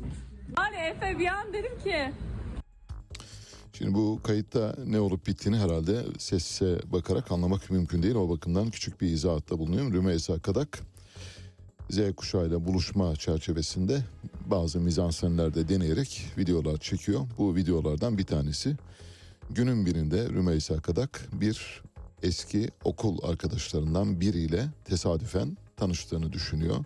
Gidiyor ve o tanışma sırasında onun eski okul arkadaşı olduğunu anlıyor ve karşılıklı espriler yapılıyor. Tabii çocuk burada iyi rol yapamadığı için bayağı bir sarkıyor. Yani sarkastik bir durum ortaya çıkıyor. Rümeysa Kadak ama rolünü çok iyi oynuyor. Rolünün hakkını veriyor. Çocuk o rolün içine itilmiş bir e, figüran gibi gözüküyor. Rolünü oynamadığını zaten videoyu izlediğinde oynayamadığını göreceksiniz. E, Dolayısıyla boşa kürek çekmekten ibaret bir uğraş var ortada. Dün bir tweet paylaştım. Şu anda 8 saat geride kaldı. Yaklaşık 13-14 bin kez görüntülenme aldı. Tweet şöyle e, bir e, kamuoyu bilgilenmesi bakımından da önemli. Ben de dün öğrendim. Dolayısıyla dün öğrendiğim bir bilgiyi bugün sizinle paylaşıyorum. Benim de bilmediğim bir şey olduğu için bana enteresan geldi. Size de enteresan geleceğini zannediyorum. Tweetim şöyle. Son tweetim merak edenler bakabilirler. Özgün bir Türk icadı olan 6, 8, 10, 12 taksitli kredi kartının yapı kredi tarafından Yeni Karamürsel için ve yine Türk halkının harcama alışkanlıkları sebebiyle ve de mecburiyetten ötürü çıkarıldığını biliyor muydunuz dedim. Onu bugün e, Radyo Sputnik'te açıklayacağımı ifade ettim. Şimdi kredi kartı bildiğiniz gibi bir gavur icadı ama kredi kartına taksit meselesi bir Türk icadı. Özbeöz Türk malıdır. Yani tepe tepe kullanabileceğimiz bir Türk icadı. Bu bir zorunluluktan ortaya çıkmış. Zorunluluk sebebi de şu. Bildiğiniz gibi Türkiye'de işte mahalle bakkalı var. Mahalle bakkalına yazdırabiliyorsunuz. Veresiye yazdırabiliyorsunuz. Mahalle kasabından da veresiye alabiliyorsunuz. İşte aklınıza gelebilecek e, mahalle terzisine e, vadeli şey diktirebiliyorsunuz. İşte 3 ay sonra ödeyeceğim diye yapabiliyorsunuz. Fakat bazı ürünler var ki örneğin işte konfeksiyon ürünleri ya da elektronik tüketim ürünleri bunları edinmek için bir başka mekanizma. O zaman markete gitmek zorundasınız. Marketler 70'li yıllardan bahsediyoruz. Türkiye'de bu kadar yaygın değil. Büyük perakende zincirleri yok. Yani bugünkü LCY2, Loft, İpek Yol ya da benzeri markalar e, de facto gibi markalar yok. Bu bir. İşte Media Market gibi, Teknosa gibi market zincirleri yok. Teknolojik ürünler satılmıyor. Bunları satan belirli mağazalar var. Bunlardan bir tanesi meşhur e, Türk halkının çok böyle yakından bildiği Yeni Karamürsel mağazaları. Yeni Karamürsel'den e, alışveriş yapmayan Türk herhalde yoktur diye düşünüyorum. Tabii yaşı el verenler için söylüyorum. Yeni Karamürsel mağazaları bir süre sonra şöyle bir arayış içine giriyor. İnsanlar geliyorlar, almak istiyorlar, paraları yok ya da paraları yetmiyor, çıkışmıyor. Bu durumda ne yapalım? E, taksit yapalım. Peki taksit yapmak için vatandaşı nasıl tanıyacaksınız? O zaman böyle kayıt kuyut sistemi bu kadar yaygın değil ve çok kolay yapılamıyor. Bu durumda ne yapılması gerekiyor? Ya, Yeni Karamürsel yapı krediye gidiyor. Yapı kredi bildiğiniz gibi Vehbi amcanın bankası, Vehbi Koç'un bankası. Yeni Karamürsel'le Yapı Kredi arasında şöyle bir protokol imzalanıyor. Deniliyor ki Yapı Kredi bir e, kredi kartı çıkaralım. Bu kredi kartı taksitli olsun. Siz bu kredi kartını müşteriye verin. Müşteri o kredi kartıyla gelsin size. Biz banka olarak kredi kartının teminatı zaten biliyorsunuz kredi kartlarında ödeme e, merci bankanın kendisidir. Yani alıcıdan ya da satıcıyla alakası olmayan bir süreçtir. Orada doğrudan banka sorumludur. Biz bunu öderiz. Dolayısıyla bir e, eğer e, herhangi bir aksama ya da bir borç durumu olursa da onu da oturur konuşuruz diyor Karamürsel'e. Böylece kredi kartlarında önce 6 taksit başlıyor. Arkasından 8 taksit, 10 taksit, 12 taksit. Hatta kimi zaman bu işin suyunu kaçırıp çok daha uzun taksitler yapanlar da vardı. Şimdi o dönemin yeni karamürsel mağazaları şu anda İstanbul'da da birkaç yerde olan Gencallar mağazası var biliyorsunuz. E, konfeksiyon ve hazır giyim e, perakendesi yapıyor. E, Evkur diye bir e, yine hazır eşya perakendesi yapan elektronik eşya ve her türlü mutfak malzemesini de satan, taksitte satan e, mağazalar var. Bunlar mahalle bakkalının büyümüş hali, marketlerin küçük hali. Bu mahalle bakkalıyla market arasındaki alışveriş merkezlerinin talebi üzerine ortaya çıkan bir taksitlendirme gereğinin sonucudur. Yani bir mecburiyetten çıkmıştır Türk halkının harcama alışkanlıkları dolayısıyla. Ve kredi kartı ile ilgili küçük bir bilgi vermek gerekirse biliyorsunuz işte nakit paranın alternatifi kredi kartı. İki çeşit kredi kartı var hayatımızda. Bunun bir tanesi tüketici kartları, öteki de ticari kredi kartları. Üzerinde bir çip var, kabartma yazıları var, hologramları var, e, temaslı temassız çipleri var ayrıca. Dönemsel borcun bir bölümünü asgari ödeme tutarıyla ödüyorsunuz. Örneğin yüzde onunu ödüyorsunuz. Geri kalanını faize bindiriyor banka. Kredi kartı kullanarak alışveriş yapan kişiler alışveriş yaptığı mağazaya değil kredi kartı hizmeti aldıkları bankaya borçlanıyorlar. Dolayısıyla orada müteselsil sorumlu olarak banka gözüküyor. Kayıt dışı ekonomiden kayıtlı ekonomiye geçişi sağlıyor aynı zamanda. Ne kadar çok kredi kartı kullanılırsa o kadar ekonomi kayıt içine giriyor. Bu yüzden nakit parayla yapılan alışverişin mümkün olduğu kadar caydırılması gerekiyor. Şu anda bunun yapılmasına ilişkin bir süreç var. Zaten Türkiye'de bunu görüyoruz. Türkiye'deki ilk kredi kartı 1968'de Diners Club tarafından geliştirildi. Yani yapı kredi ile Yeni Karamürsel arasındaki uygulamadan öncesinden bahsediyoruz. İlk kez 68'de. 70'li yıllardan itibaren de taksitli kredi kartı uygulaması başlıyor. Bankalar arası kart merkezine göre şu anda Türkiye'de 113 milyon adet banka kartı var. 58 milyon adet de kredi kartı var. Türkiye'nin nüfusu ne kadar? 85 milyon. 85 milyonun 58 milyon kredi kartına sahip olduğunu görüyoruz. Türkiye bu kredi kartı sayısı ve kredi kartı harcama oranı bakımından Avrupa'nın üçüncü ülkesi konumunda. Şimdi Türkiye Avrupa'nın üçüncü ekonomisi midir diye soruyorum size. Mesela Avrupa'nın üç ekonomisini sayalım. Tabii İngiltere ayrılmadan önceki duruma göre söylüyorum. İngiltere'yi hala Avrupa Birliği'nin bir parçası olarak kabul edin. Zaten Avrupa'nın bir parçası. Bir numaralı ekonomi Almanya değil mi Avrupa'da? İki numara İngiltere, üç numara Fransa. Türkiye üç numaralı Fransa kadar kredi kartına sahip, üç numaralı Fransa kadar harcama yapıyor. Peki Fransa'nın kişi başına geliri ne? 50 bin dolar, 50 bin euro. Türkiye'nin kişi başına geliri ne? 8 bin euro, 8 bin dolar. Artık euro ile dolar arasındaki farkı çok fazla ayrımsamadan söylemeye çalışıyorum. Çünkü arasındaki fark çok kabul edilebilir seviyelerde. Demek ki Türkiye kazandığından fazlasını harcayan bir miras yedi gibi davranıyor. Öyle olmasaydı Türkiye şu anda Avrupa'da mesela Avrupa'daki sıralamayı söyleyeyim size. Avrupa ekonomilerinin büyüklük sıralaması. Bir numara Almanya. İki numara İngiltere, üç numara Fransa, dört numara İtalya, beş numara İspanya. Türkiye ta İspanya'dan sonra hani Hollanda falan onları da aşıyorsunuz aşağı doğru geliyorsunuz. Mesela Portekiz'de bir yerde buluşabiliriz. Portekiz işte ondan sonra Türkiye sonra Yunanistan falan gibi ülkeler gelebilir. Bulgaristan gelebilir.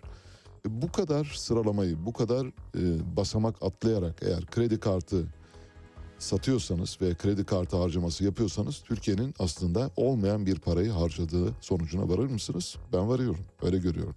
Çünkü Türkiye bir miras yedi gibi kendine ait olan olmayan bir parayı maalesef kullanıyor.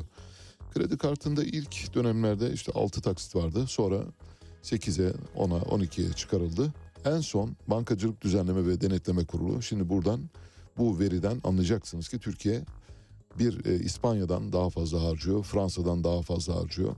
Onlardan daha az e, gayri safi hasılası GDP'si olduğu halde onlardan daha fazla harcıyor. Neden harcıyor biliyor musunuz? Çünkü Türkiye'de Bankacılık Düzenleme Denetleme Kurulu, Merkez Bankası, Hazine Müsteşarlığı, Hazine Bakanlığı neyse bütün kurumlar el ele vermiş durumda. 2017 yılından bu yana Türkiye'yi olmayan bir büyümeye doğru sürüklüyorlar. Bir tüketim ekonomisine. Tüketim ekonomi. Ne kadar tüketirseniz tüketin. Yeter ki tüketelim. Tükettiğiniz takdirde, hane halkları tükettiği takdirde büyüme giderek artıyor. Hormonlu bir büyümeye doğru gidiyoruz. Elektrik tasarrufunun ya da bu yaz saati uygulamasının altında yatan sebeplerden birinin de yine bu hormonlu büyüme olduğunu bir kez daha vurgulamış olalım. Kredi kartlarının taksit sınırı daha önce bir önceki 2016'ya kadar 9 taksitte sınırlıydı. En fazla 9 yapılabiliyordu.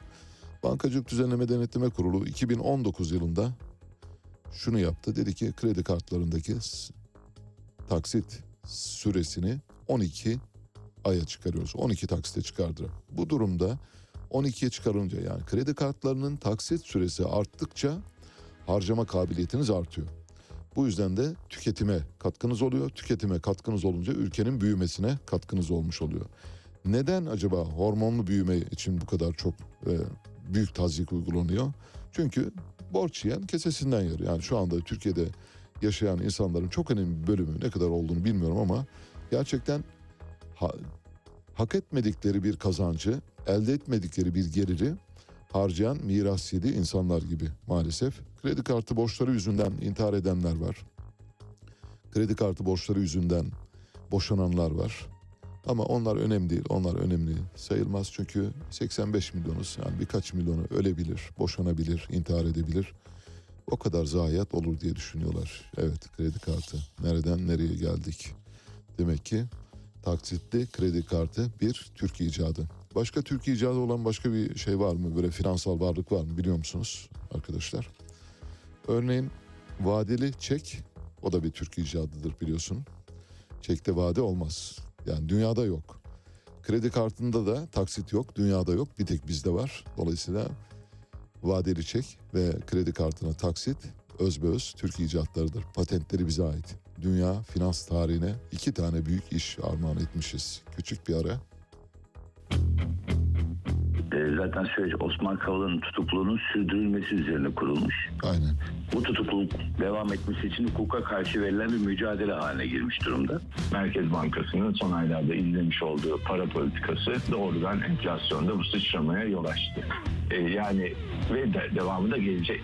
Ülkeyi aslında öyle yönetiyorlar ki adeta koca bir survivor oyunu gibi. Bugün için önemli olan husus Türkiye'de bu sistemin değişmesidir. Bu sistem yani Cumhurbaşkanlığı hükümet sistemi maalesef uygulama aşamasında kağıt üzerinde durduğu gibi durmadı. Ali Çağatay'la Seyir Hali hafta içi her sabah 7 ile 9 arasında Radyo Sputnik'te. Evet, dünden kalan ve arkası yarına dönüşmesini istemediğimiz ama maalesef bir zorunluluk nedeniyle yarım bıraktığımız bir dosya var. Binali Yıldırım dosyası. Binali Yıldırım dosyasını kaldığımız yerden devam ettireceğiz. Bu arada Doruk'tan rica ediyorum iki adet fotoğraf var. Bu iki fotoğrafı dönüşümlü olarak verebilirse bu fotoğraflara baktığın zaman zaten kazanın oluş biçimiyle kaza sonrası Binali Yıldırım'ın açıklamaları arasında büyük tenakuzlar olduğunu göreceksiniz. İlkinde Cumhurbaşkanı Erdoğan Binali Yıldırım'ı ziyaret ediyor. Hastanede Cumhurbaşkanı Erdoğan e, yanında da Binali Yıldırım'ın eşi var. Çok muhterem eşi. Çok iyi bir kadın olduğunu söylüyorlar.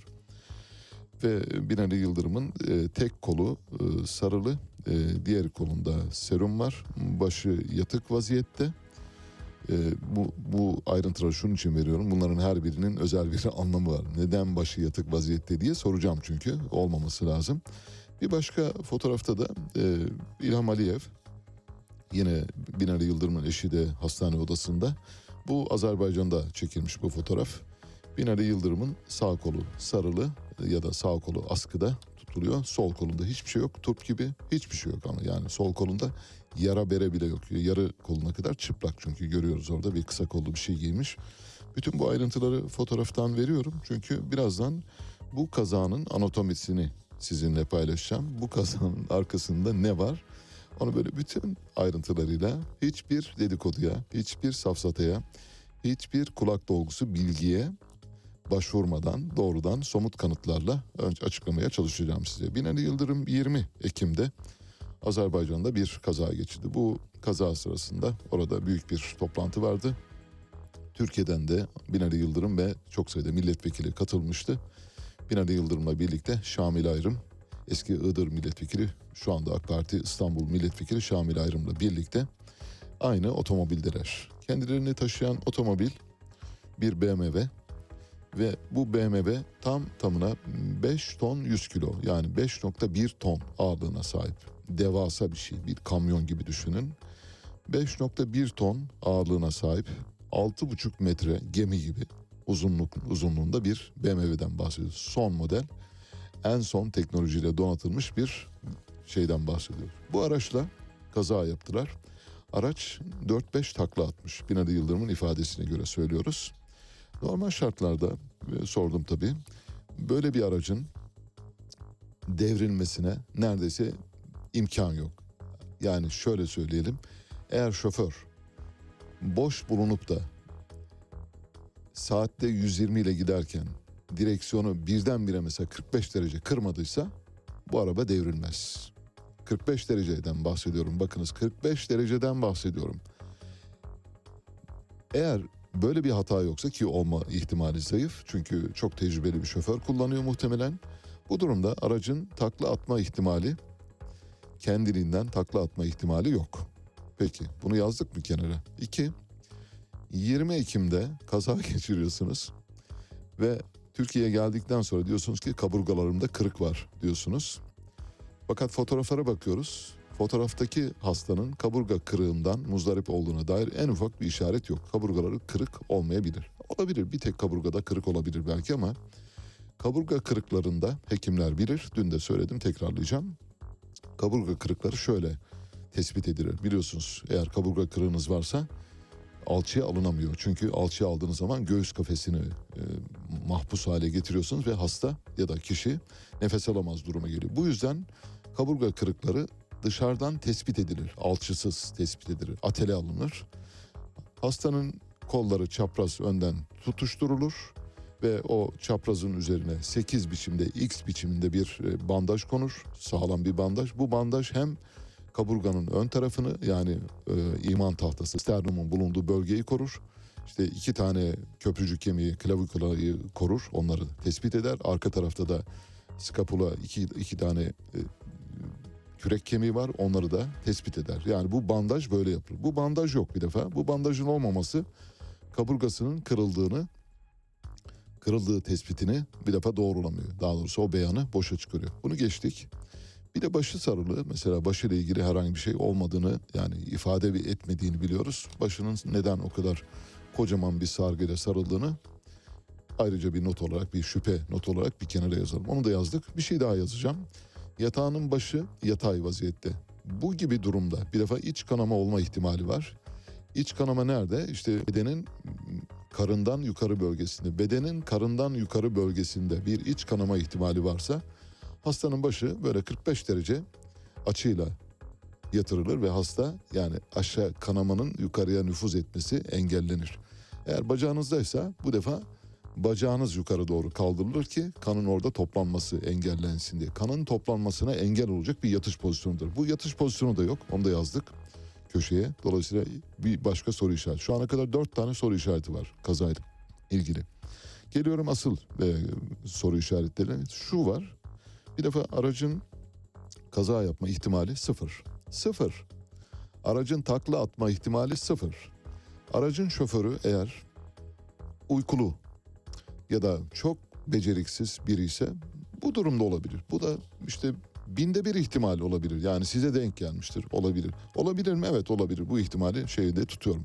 Fakat bu ihtimal bile bu ihtimal bile biraz önce saydığım ihtimalleri ya da o şüphe notlarını ortadan kaldırmıyor. Onları bir defa köşeye koyalım. Onlar sağlam yani kanıtlarıyla anlatmaya çalıştım. Bu durumda elimizde ne kalıyor? Bu aracın bir uzaktan kumandayla sistemlerinin kilitlenmiş olabileceği ve aracın kaza yapmasının sağlanması ve böyle bir kazanın vuku bulması temin edilmiş olabilir diye düşünüyorum. Yani bir şeyden bahsediyoruz. Dışarıdan müdahale. Ne olabilir? Suikast olabilir. Suikast girişimi olabilir. Peki neden acaba Binali Yıldırım'a suikast girişiminde bulunmuş olabilirler? Bilmiyoruz ama birden çok sebebi var. Bunlardan bir tanesi kendisi 15 Temmuz darbe girişimi sırasında gece yarısı bir tünelde sığınırken yakalandı. Daha doğrusu tünelde olduğu ortaya çıktı. Normal şartlarda başka yerler tercih edilebilir. Çünkü hayatından endişe ettiğine dair o dönem yazılıp çizilenler vardı. Hatta bir TRT röportajında TRT ya da bir başka kanalda bilmiyorum tam hatırlayamadım. Orada muhabir soruyor diyor ki en beğenmediğiniz proje nedir? Yani bugüne kadar hayatınızda karşı karşıya geldiniz ve en beğenmediğiniz proje nedir diye. Mesela Ulaştırma Bakanlığı yapmışsınız. Size sorsalar ne dersiniz? Filanca baraj projemi çok beğenmiyorum dersiniz değil mi? Filan yerde yaptığımız duble yolu da beğenmiyorum. O da çok istediğim gibi olmadı. içime sinmedi. Proje. Proje deyince bu gelir. En beğenmediğim proje 15 Temmuz projesidir diyor. Demek ki 15 Temmuz'dan hoşnut değil. Yani 15 Temmuz'un oluş biçiminden mi? 15 Temmuz'u yapanlardan mı? 15 Temmuz'un muhataplarından dolayı mı hoşuna gitmediğini bilmiyoruz. Ama bir soru işareti var. Çünkü bu bir inisiyaki, içgüdüsel olarak çıkmış bir sözdür. Şimdi 21 Ekim'de Türkiye'ye getirildi kendisi. Ve Binali Yıldırım'ın oğlu dolayısıyla petrol taşıma faaliyetlerinde bulunduğunu biliyoruz. Büyük bir tanker filosu olduğunu biliyoruz. Tankerlerle ve şeylerle, gemilerle petrol taşımacılığı yaptığını biliyoruz. Petrol taşımacılığı bir tekeldir. Petrol taşımacılığını dünyada herkese yaptırmazlar. Dolayısıyla oradan rol çalmaya kalkarsanız yani arabanızın başına bir şey gelebilir. Mesela size bir şey olabilir. Allah göstermesin. Her şey olabilir. Ee, oğluyla ilgili Erkam e, Yıldırım'la ilgili hatırlarsanız işte e, Venezuela'ya gittiği ve Venezuela'ya giderken hijyen malzemesi maske götürdüğü iddia edilmişti. Sonra konşimentoya bakıldı. Beraberinde herhangi bir şekilde maske ya da hijyenik malzeme olmadığı ortaya çıktı. Peki öyle bir dönemde neden oraya gidip geliyor derseniz yine onun da arkasında petrol ve benzeri şeyler var. Kokain mokain olabilir onu bilmiyorum oraya girmeyeceğim. Elimde bir kanıt yok ama petrol taşıma faaliyetleri olduğunu biliyoruz. Şimdi Azerbaycan petrollerinin taşınmasıyla ilgili bir kişi var. Bu kişinin adını hemen anımsayacaksınız. Mübariz Mansimov. Mübariz Mansimov dünyada gözaltına alınmadan ve servetiyle ilgili kuşkular ortaya çıkmadan önce dünyanın en büyük petrol taşımacılığı yapan filoya sahip armatörlerinden biriydi. Şu anda o noktada değil. Palmali Holding'i kurdu bildiğiniz gibi 1998'de ve çok büyük paralar kazandı.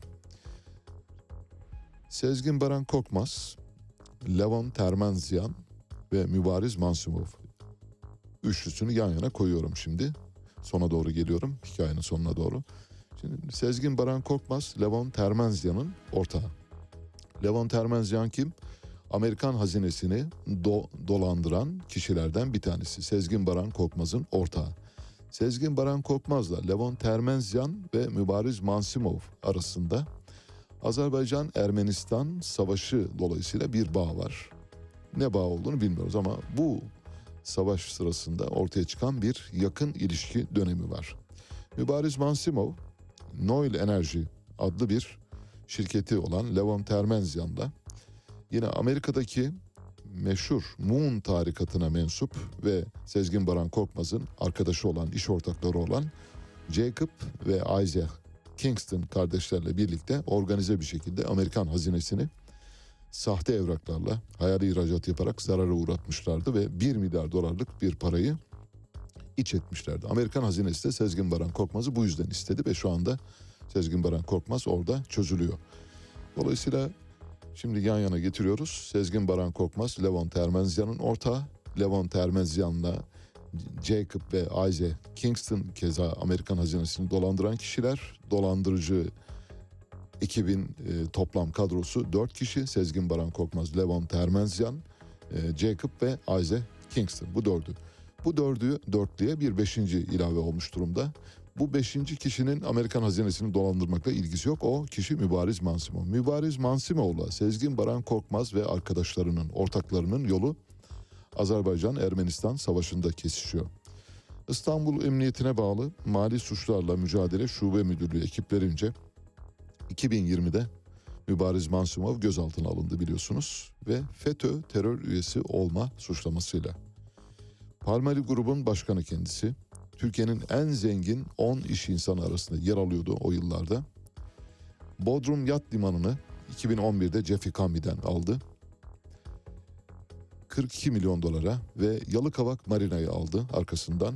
Şu anda filosunda o dönem itibariyle filosunda 200'den fazla gemi vardı. Dünyadaki toplam gemi sayısını söylersem bu 200 geminin ne anlama geldiğini anlayacaksınız. Dünyada yolcu taşımacılığı yapanların dışında kalan yük yani kuru yük, dökme yük, petrol, doğalgaz ve benzeri işlerde kullanılan toplam dünyadaki toplam gemi sayısı 48 bin. 48 binin 200'ü Mübariz Mansimov'da. Bu Mübariz Mansimov'u bu sayıyla ligde bayağı yukarıya çıkarıyor. Kaçıncı olduğunu bilmiyorum ama çok büyük bir armatör olduğu belli. Şimdi sona geliyorum. Dolayısıyla daha sonra tabii bu meşhur Yalıkavak Marina'ya Alaaddin Çakıcı ve adamlarının çökmeye çalıştığı gibi şeyler de hikayelerde var ama hikayenin o kısmına girmiyorum. Onlar işin sosu. Yani işin o kısmını artık konuşmayı bile gereksiz görüyorum. Çünkü olay o kadar karmaşık bir noktada ki Binali Yıldırım'a yönelik Azerbaycan'da yapılmak istenen şey bence Binali Yıldırım'ın petrol ve doğalgaz taşıma tekeline korsan bir şekilde müdahale etmiş olması, müdahil olması yani ben de taşımacılık yapacağım diye girmiş olması ve birilerinin siz oyunda yoksunuz, sizi oyundan atıyoruz diye yaptıkları bir hamledir. Evet, böylece iki fotoğraftan yola çıkarak vardığımız sonuç budur. Enflasyon bir armut gibi böyle olgunlaşıp daldan düşebilecek bir data değildir dedi. Şimdi fiyatlar düzeyi belli bir seviyeye kadar ulaştığında hepimizin günlük hayatında biz ne yapıyoruz? İşte bir bardak 10 lira, yarın 15 lira oluyor, öbür gün 20 lira oluyor. Siz eskiden altılı bir bardak alırken üçlüye dönüyorsunuz, ikiliye dönüyorsunuz. Talep burada azaldığında belki enflasyonun belli bir noktada durması sonucu oluşabilir. Enflasyon bir armut değildir. Olgunlaşıp dalından düşmesini beklemeyiniz değil mi? Bunu bir e, motto olarak yazmak lazım.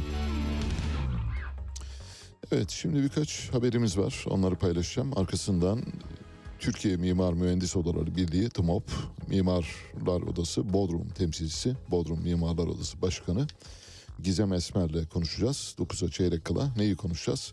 Bildiğiniz gibi Cengiz Holding'in Bodrum Gölköy'de büyük bir inşaatı var. Bu inşaatla ilgili ruhsatlar belediye tarafından verilmiş durumda daha önce Bodrum Belediyesi. Fakat sonradan soruşturma konusu oluyor. Soruşturma konusu olunca mahkemelerle Bodrum Belediyesi arasında istinafla temiz arasında gidip gelen sayısız kez gidip gelen bir dosya var ve bu sayısız gidip gelen dosyaların en sonunda Bodrum Belediyesi, Bodrum Belediye Başkanı Ahmet Aras Cengiz Holding'in ruhsatını yani inşaat ruhsatını iptal etti.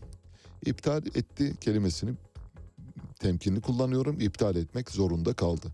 Neden iptal etmek zorunda kaldı? Muhtemelen yaptığı işten pişman oldu ya da yaptığı işin kendisini bir bataklığa sürükleyeceğini gördü. O yüzden vazgeçti. Şimdi üzerindeki şaibeyi, kuşkuyu kaldırmak istiyor. Ancak Cengiz Holding de diyor ki bizim ruhsatımız var kardeşim. Bunu kaldıramazsınız ortadan. Öyle siz dediniz diye olmaz. Ortada yargı kararı var. Durum nedir? Gerçek durum nedir diye soracağız birazdan Gizem Esmer'e. Acaba kim haklı kim haksız? Burada inşaat yapılabilir mi yapılamaz mı sorularını soracağız. Peru'da hükümet karşıtı protestolar sürüyor ve dün itibariyle sadece dün 47 kişi öldü hayatını kaybetti.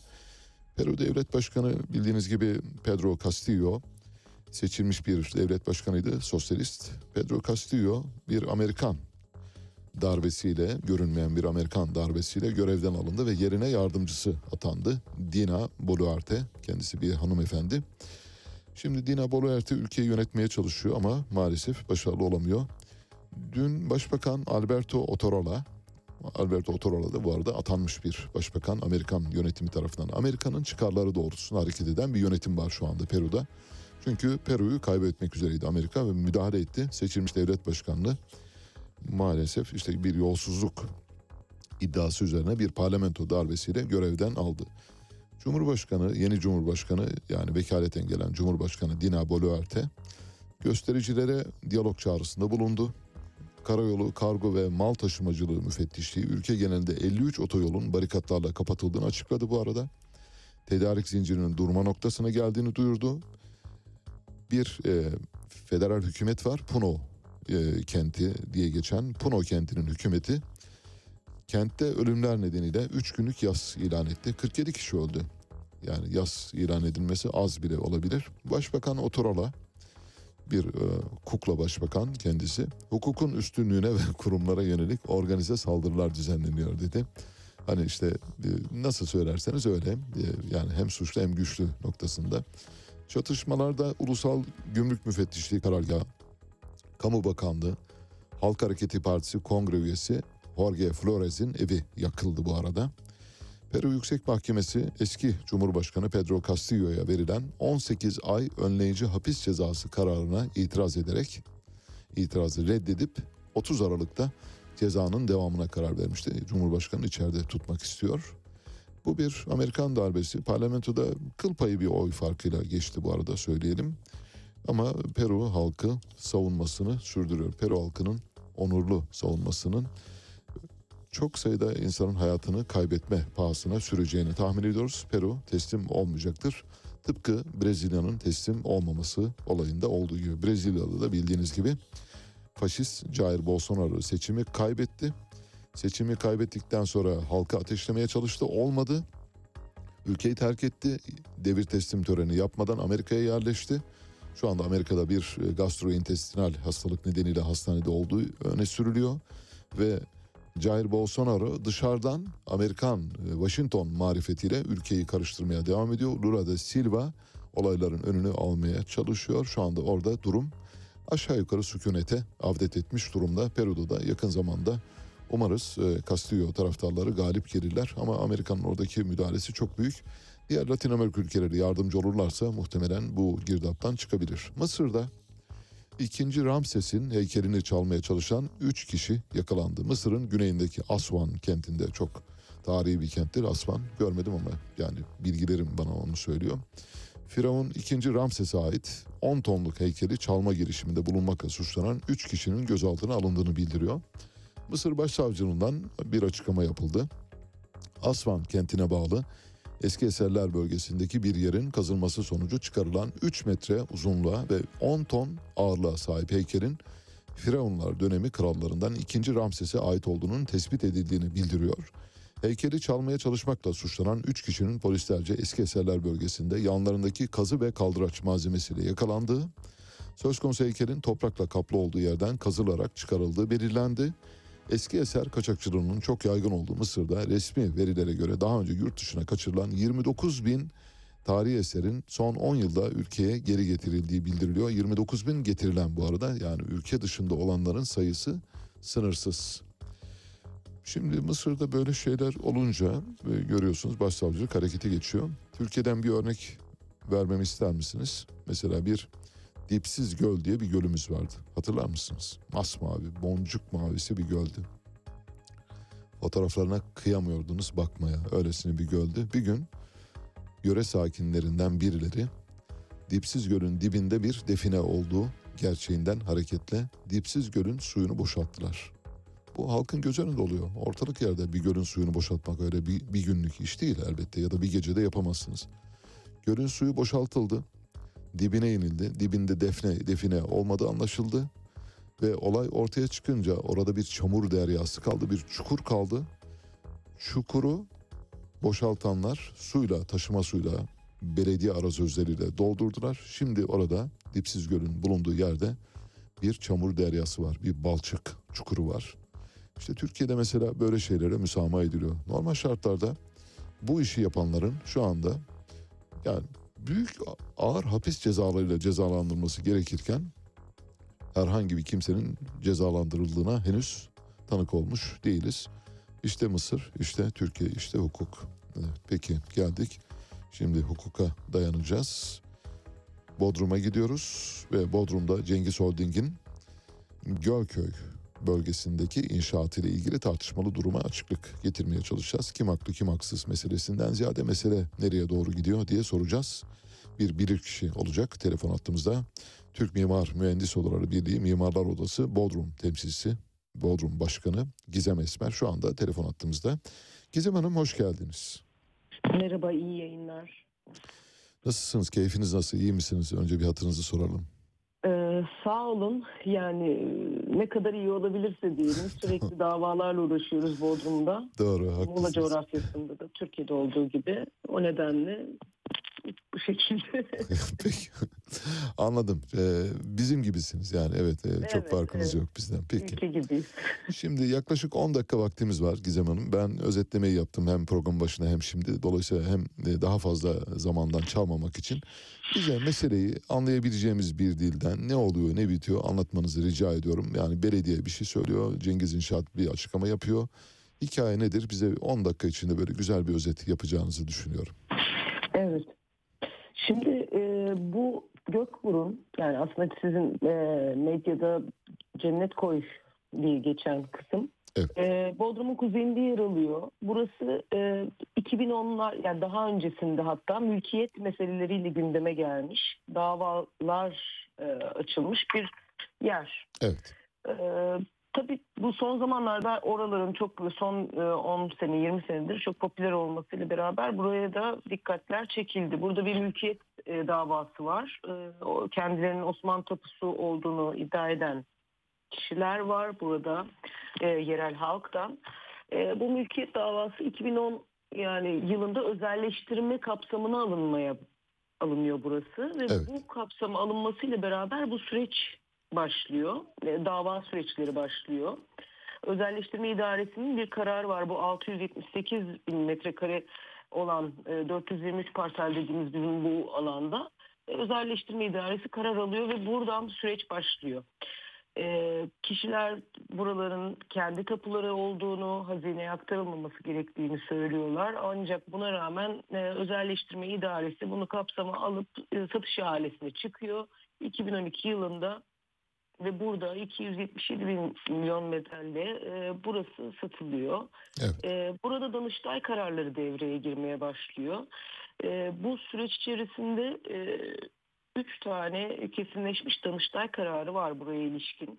Bu e, yerin hazineye geri verilmesi gerektiğini, satışın iha- e, ihalenin iptalini, kurumların hukuk üstünlüğünü tanımamasının doğru olmadığına yönelik de bir takım Danıştay kesinleşmiş Danış- Danıştay kararları var. Ancak buna rağmen e, gerek kültür e, Muğla Kültür Varlıklarını Koruma Kurulu'ndan başlayarak e, bütün bu işlemler, planları, e, sondaj çalışmaları, imar uygulamaları ya- yapılmaya devam ediyor. Aslında bu süreç içerisinde e, arada bu mahkeme kararları sürekli diyor ki anayasa bütün her şeyin üzerindedir. Burası bir hukuk devleti. Yani burada açıkça şeyde de dava kararlarında da yazıyor. İkinci Türkiye Cumhuriyeti Anayasası'nın ikinci maddesi hukuk devleti olduğu 138. maddesi yine aynı şekilde idarelerin bu kural kanun çıkan kesinleşmiş kararların uygulaması, ivedilikle uygulaması gerektiği yönünde kararlar veriyor. Ancak bu e, her şeye rağmen e, dinlenmiyor. Arada da bir cumhurbaşkanı kararnamesiyle e, bu yer e, tekrar e, özelleştirme idaresinin işlemlerine açık hale getiriliyor ve ilerleniyor. Evet. Şimdi geldiğimiz süreçte şöyle bir konu var. E, bunlar, bu kararlar uygulanmazken Evet. e, bir noktasına tıkanmasını bekliyorsun süreç. Tabii doğru. Ama e, bu parsel bütün olarak bu 678 bin metrekarelik ar- parsel e, bölünüyor, parsellere ayrılıyor. Çünkü bunun bir imar uygulaması yapılması gerekiyor. Bunun üzerinde şerh olmasına rağmen, e, tapuda şerh gözükmesine rağmen nedense sonraki e, ifraz edilmiş parsellerde bu şerhler ortaya çıkmıyor. Yani yazışmalarda ya da tapunun bilgilerinde o e, ortaya çıkmıyor. Anladım. Böylece konu geliyor geliyor belediyenin ruhsat aşamasına kadar geliyor. Ancak bu arada tabii ki bir de bunun e, buranın ikinci derece ve üçüncü derece e, doğal Sit alanı. olması, evet. sit alanı olması, üçüncü e, derece arkeolojik sit ve kısmen de birinci derece arkeolojik siti kapsıyor bu alan. Hatta basında yer alan bazı fotoğraflar görmüşsünüzdür e, bir, bir dönem yani bu yaz e, buradaki tarihi eserlerle ilgili bunların da bir yerlerden getirildiği söyleniyor ancak böyle bir şey yok zaten birinci derece arkeolojik sit alanı da var bu alanın içerisinde. E, süreç böyleyken e, çet süreci vardır. E, ruhsat alınmadan daha ruhsat e, onaylanmadan önce ÇED'e başvuru yapılıp bunların e, gerekli çevre etki koşullarına yani bu, bu burası imara açıldığı takdirde çevreye nasıl zararlar vereceği konusunda e, bir rapor, bir değerlendirme raporu ve onay alınması gerekir. E, tabii bu burada da bu çevre etki değerlendirmesinde de e, farklı kapasite özelliklerine göre e, şeyler var, prosedürler var. Ek bir listesi, ek iki listesi diye. Ee, öncelikle bütün parsel bu e, 306 ve 305 da bir parsel olarak ÇED'e başvurulan e, büyük otelleri de içeren, apart otelleri de içeren, villaları da içeren e, dosya sunuluyor. Daha sonra revize edilerek sadece üç- e, 306'ya bire yönelik bir e, başvuru yenileniyor. Şimdi buradaki sorun şu. e, birincisi dediğim gibi buranın e, bir e, mülkiyetle alakalı Danıştay'la kesinleşmiş ve hazineye geri verilmesini söyleyen idari kararlar var. Mahkeme kararları var. Tamam. E, ikinci aşamada böyle bir doğal ve e, arkeolojik önemi olan bir yerin e, korunmasına yönelik, nasıl korunacağına yönelik yönetmeliklerle belirlenmiş bir çet sürecinin tamamlanması konusu var. Çet sürecinde de e, şöyle bir şeydir ÇED süreci. Yani kapasite 250 oda ve üzeri olduğu zaman farklı bir Uygulama olur. evet. uygulama olur. Daha kapsamlı olur. Halk katılım toplantıları yapılır. e, ve çok daha detaylı bir araştırma sürdürülür. Ancak burada parselleri bölerek Anladım. bir kısmını ÇED'den kaçıyorlar. Evet. Evet. yani Evet, çünkü burası aslında çok daha öncesinde kıyı, kıyısıyla alakalı e, mendirik yapılmasına ilişkin de başvuruda bulunulmuştu. Yani burası aslında kümülatif çete tabi olması gereken bir yer. Evet, Ancak evet. şu an ruhsat alınan e, ve daha sonra iptal edilen kısım e, buranın bir kısmı, bir bölümü. Yani 179 bin metrekarelik kısmını önden geçiriyorlar. Evet. Adeta bir e, şey gibi, elma gibi ikiye kesip Aha, Yarısını evet. bir kısmını geçiriyorlar. Buradaki e, araştırma ve kapsam ÇED'in tabii ki o zaman daha e, kolay geçirilebilecek e, yönetmeliğine tabi Tabii. olarak geçiriyorlar bunu. Çünkü bu kapasite sayılarını daha düşük gösterdikleri için. Biz tabii ki buna da itiraz ettik.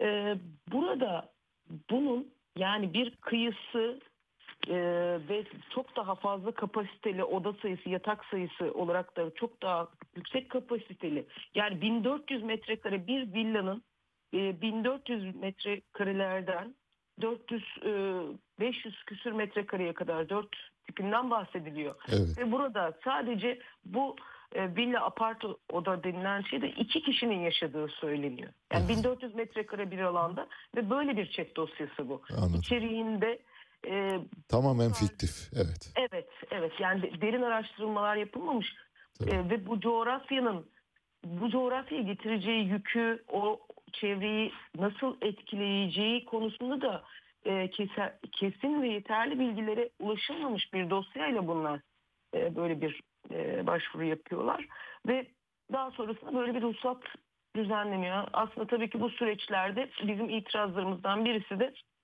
chat tamamlanmadan ve kesinleşmeden e, ruhsatın iptal, ruhsatın çıkarılması e, noktasındaydı. Çünkü çok kısa bir ara var. Yani e, altısında chat kararı chat gerekli değildir deniyor e, ilgili müdürlüğünce. E, daha sonra da 5-6 gün sonra da bu e, ruhsat çıkıyor. Yani bu burada çok hı- hızlı bir süreç olduğu için de biz zaten burada çok itirazlarımızı dile getirdik. E, bu noktada şöyle bir durum var. Şu an tabii ki ruhsat iptal edildi. Biz buna bundan bağımsız olarak ÇED'e itirazlarımızı yaptık. ÇED dosyasına bununla ilgili e, buranın daha yani bu Akdeniz Doku'nun yaşam alanı olan uluslararası sözleşmelerle korunan bu alanların bu şekilde ki e, parçalanarak ve küçültülerek geçirilen bu e, dosyalarına ilişkin itirazımız var. Ayrıca tabii ki bu aşamada ruhsata da itiraz edecektik ki ruhsat iptal edildi. Güzel. Ruhsatın evet iptal gerekçeleri de bir mahkeme kararlarına dayanıyor. Çünkü idareler asla yargının üzerinde karar alamaz. Alamazlar. Peki. Bu, bunları uygulamak zorundalar. Bizim e, buradaki durumumuz e, Süper. bu şekilde. Çok güzel anlattınız. Ee, Sadece bir cümleyle e, yanıt verirseniz sevinirim. Ee, Yani davada e, mutlu sona doğru geliyor muyuz kamu olarak? Yani halk olarak, vatandaş olarak soruyorum. Hani şimdi ÇED e, meselesinde eğer sonu sonlandırırsanız hani ruhsat zaten iptal edilmiş durumda. Acaba orayı kurtarabilecek miyiz? Yani siz e, deneyimli bir e, mimar olarak ne söyleyebilirsiniz? Şimdi şöyle biz bu Bodrum Yarımadası'nda Muğla coğrafyasında da aynı şekilde birçok davamız bulunuyor. Bunlar inanın e, bazen yapılaşma yani mahkeme kararları geride daha yavaş kaldığı için uygulamalar ilerliyor. Tabii. inşaatlar yapılıyor. Anladım. Ve burada yeni dönüşsüz çevreye etkileri oluyor bunların. Biz e, bu noktada o yüzden bu işi her anını çok yakından takip ediyoruz. E, biz her zaman bu Türkiye Cumhuriyeti bir hukuk devletidir. Bu kararların uygulanması yönünde hatta orada arkadaşlar hani nöbet halinde de bazen bazı alanlarda bunları gerçekleştirmeye çalışıyorlar. E, biz hukuka güveniyoruz.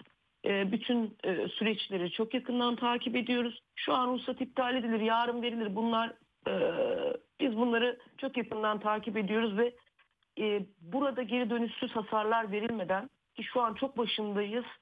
e, bu noktada biz bu Kurtarabiliriz diyorsunuz.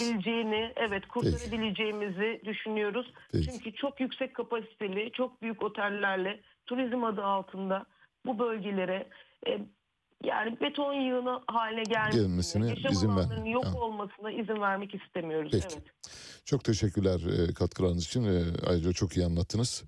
Gizem Esmer'le konuştuk. Türk Mimar ve Mühendis Odaları Birliği Mimarlar Odası Bodrum Başkanı Gizem Esmer bize durumu anlattı. Şu anda galiba kurtaracağız gibi gözüküyor ama elbette e, Cengiz İnşaat çok fazla müsaadeye mazhar bir grup olduğu için muhtemelen oyun içinde yeni bir oyun geliştirebilecektir ya da yeni bir kural e, ta, ihtas edebilecek durumdadır. Bakalım göreceğiz hep birlikte.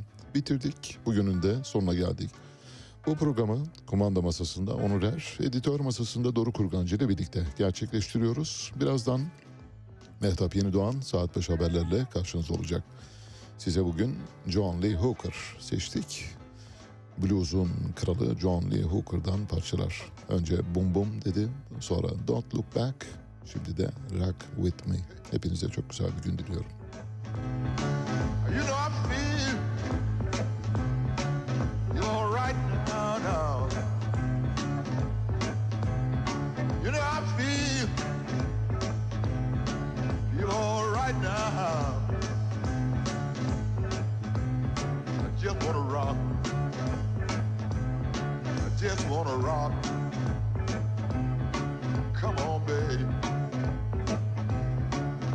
Rock with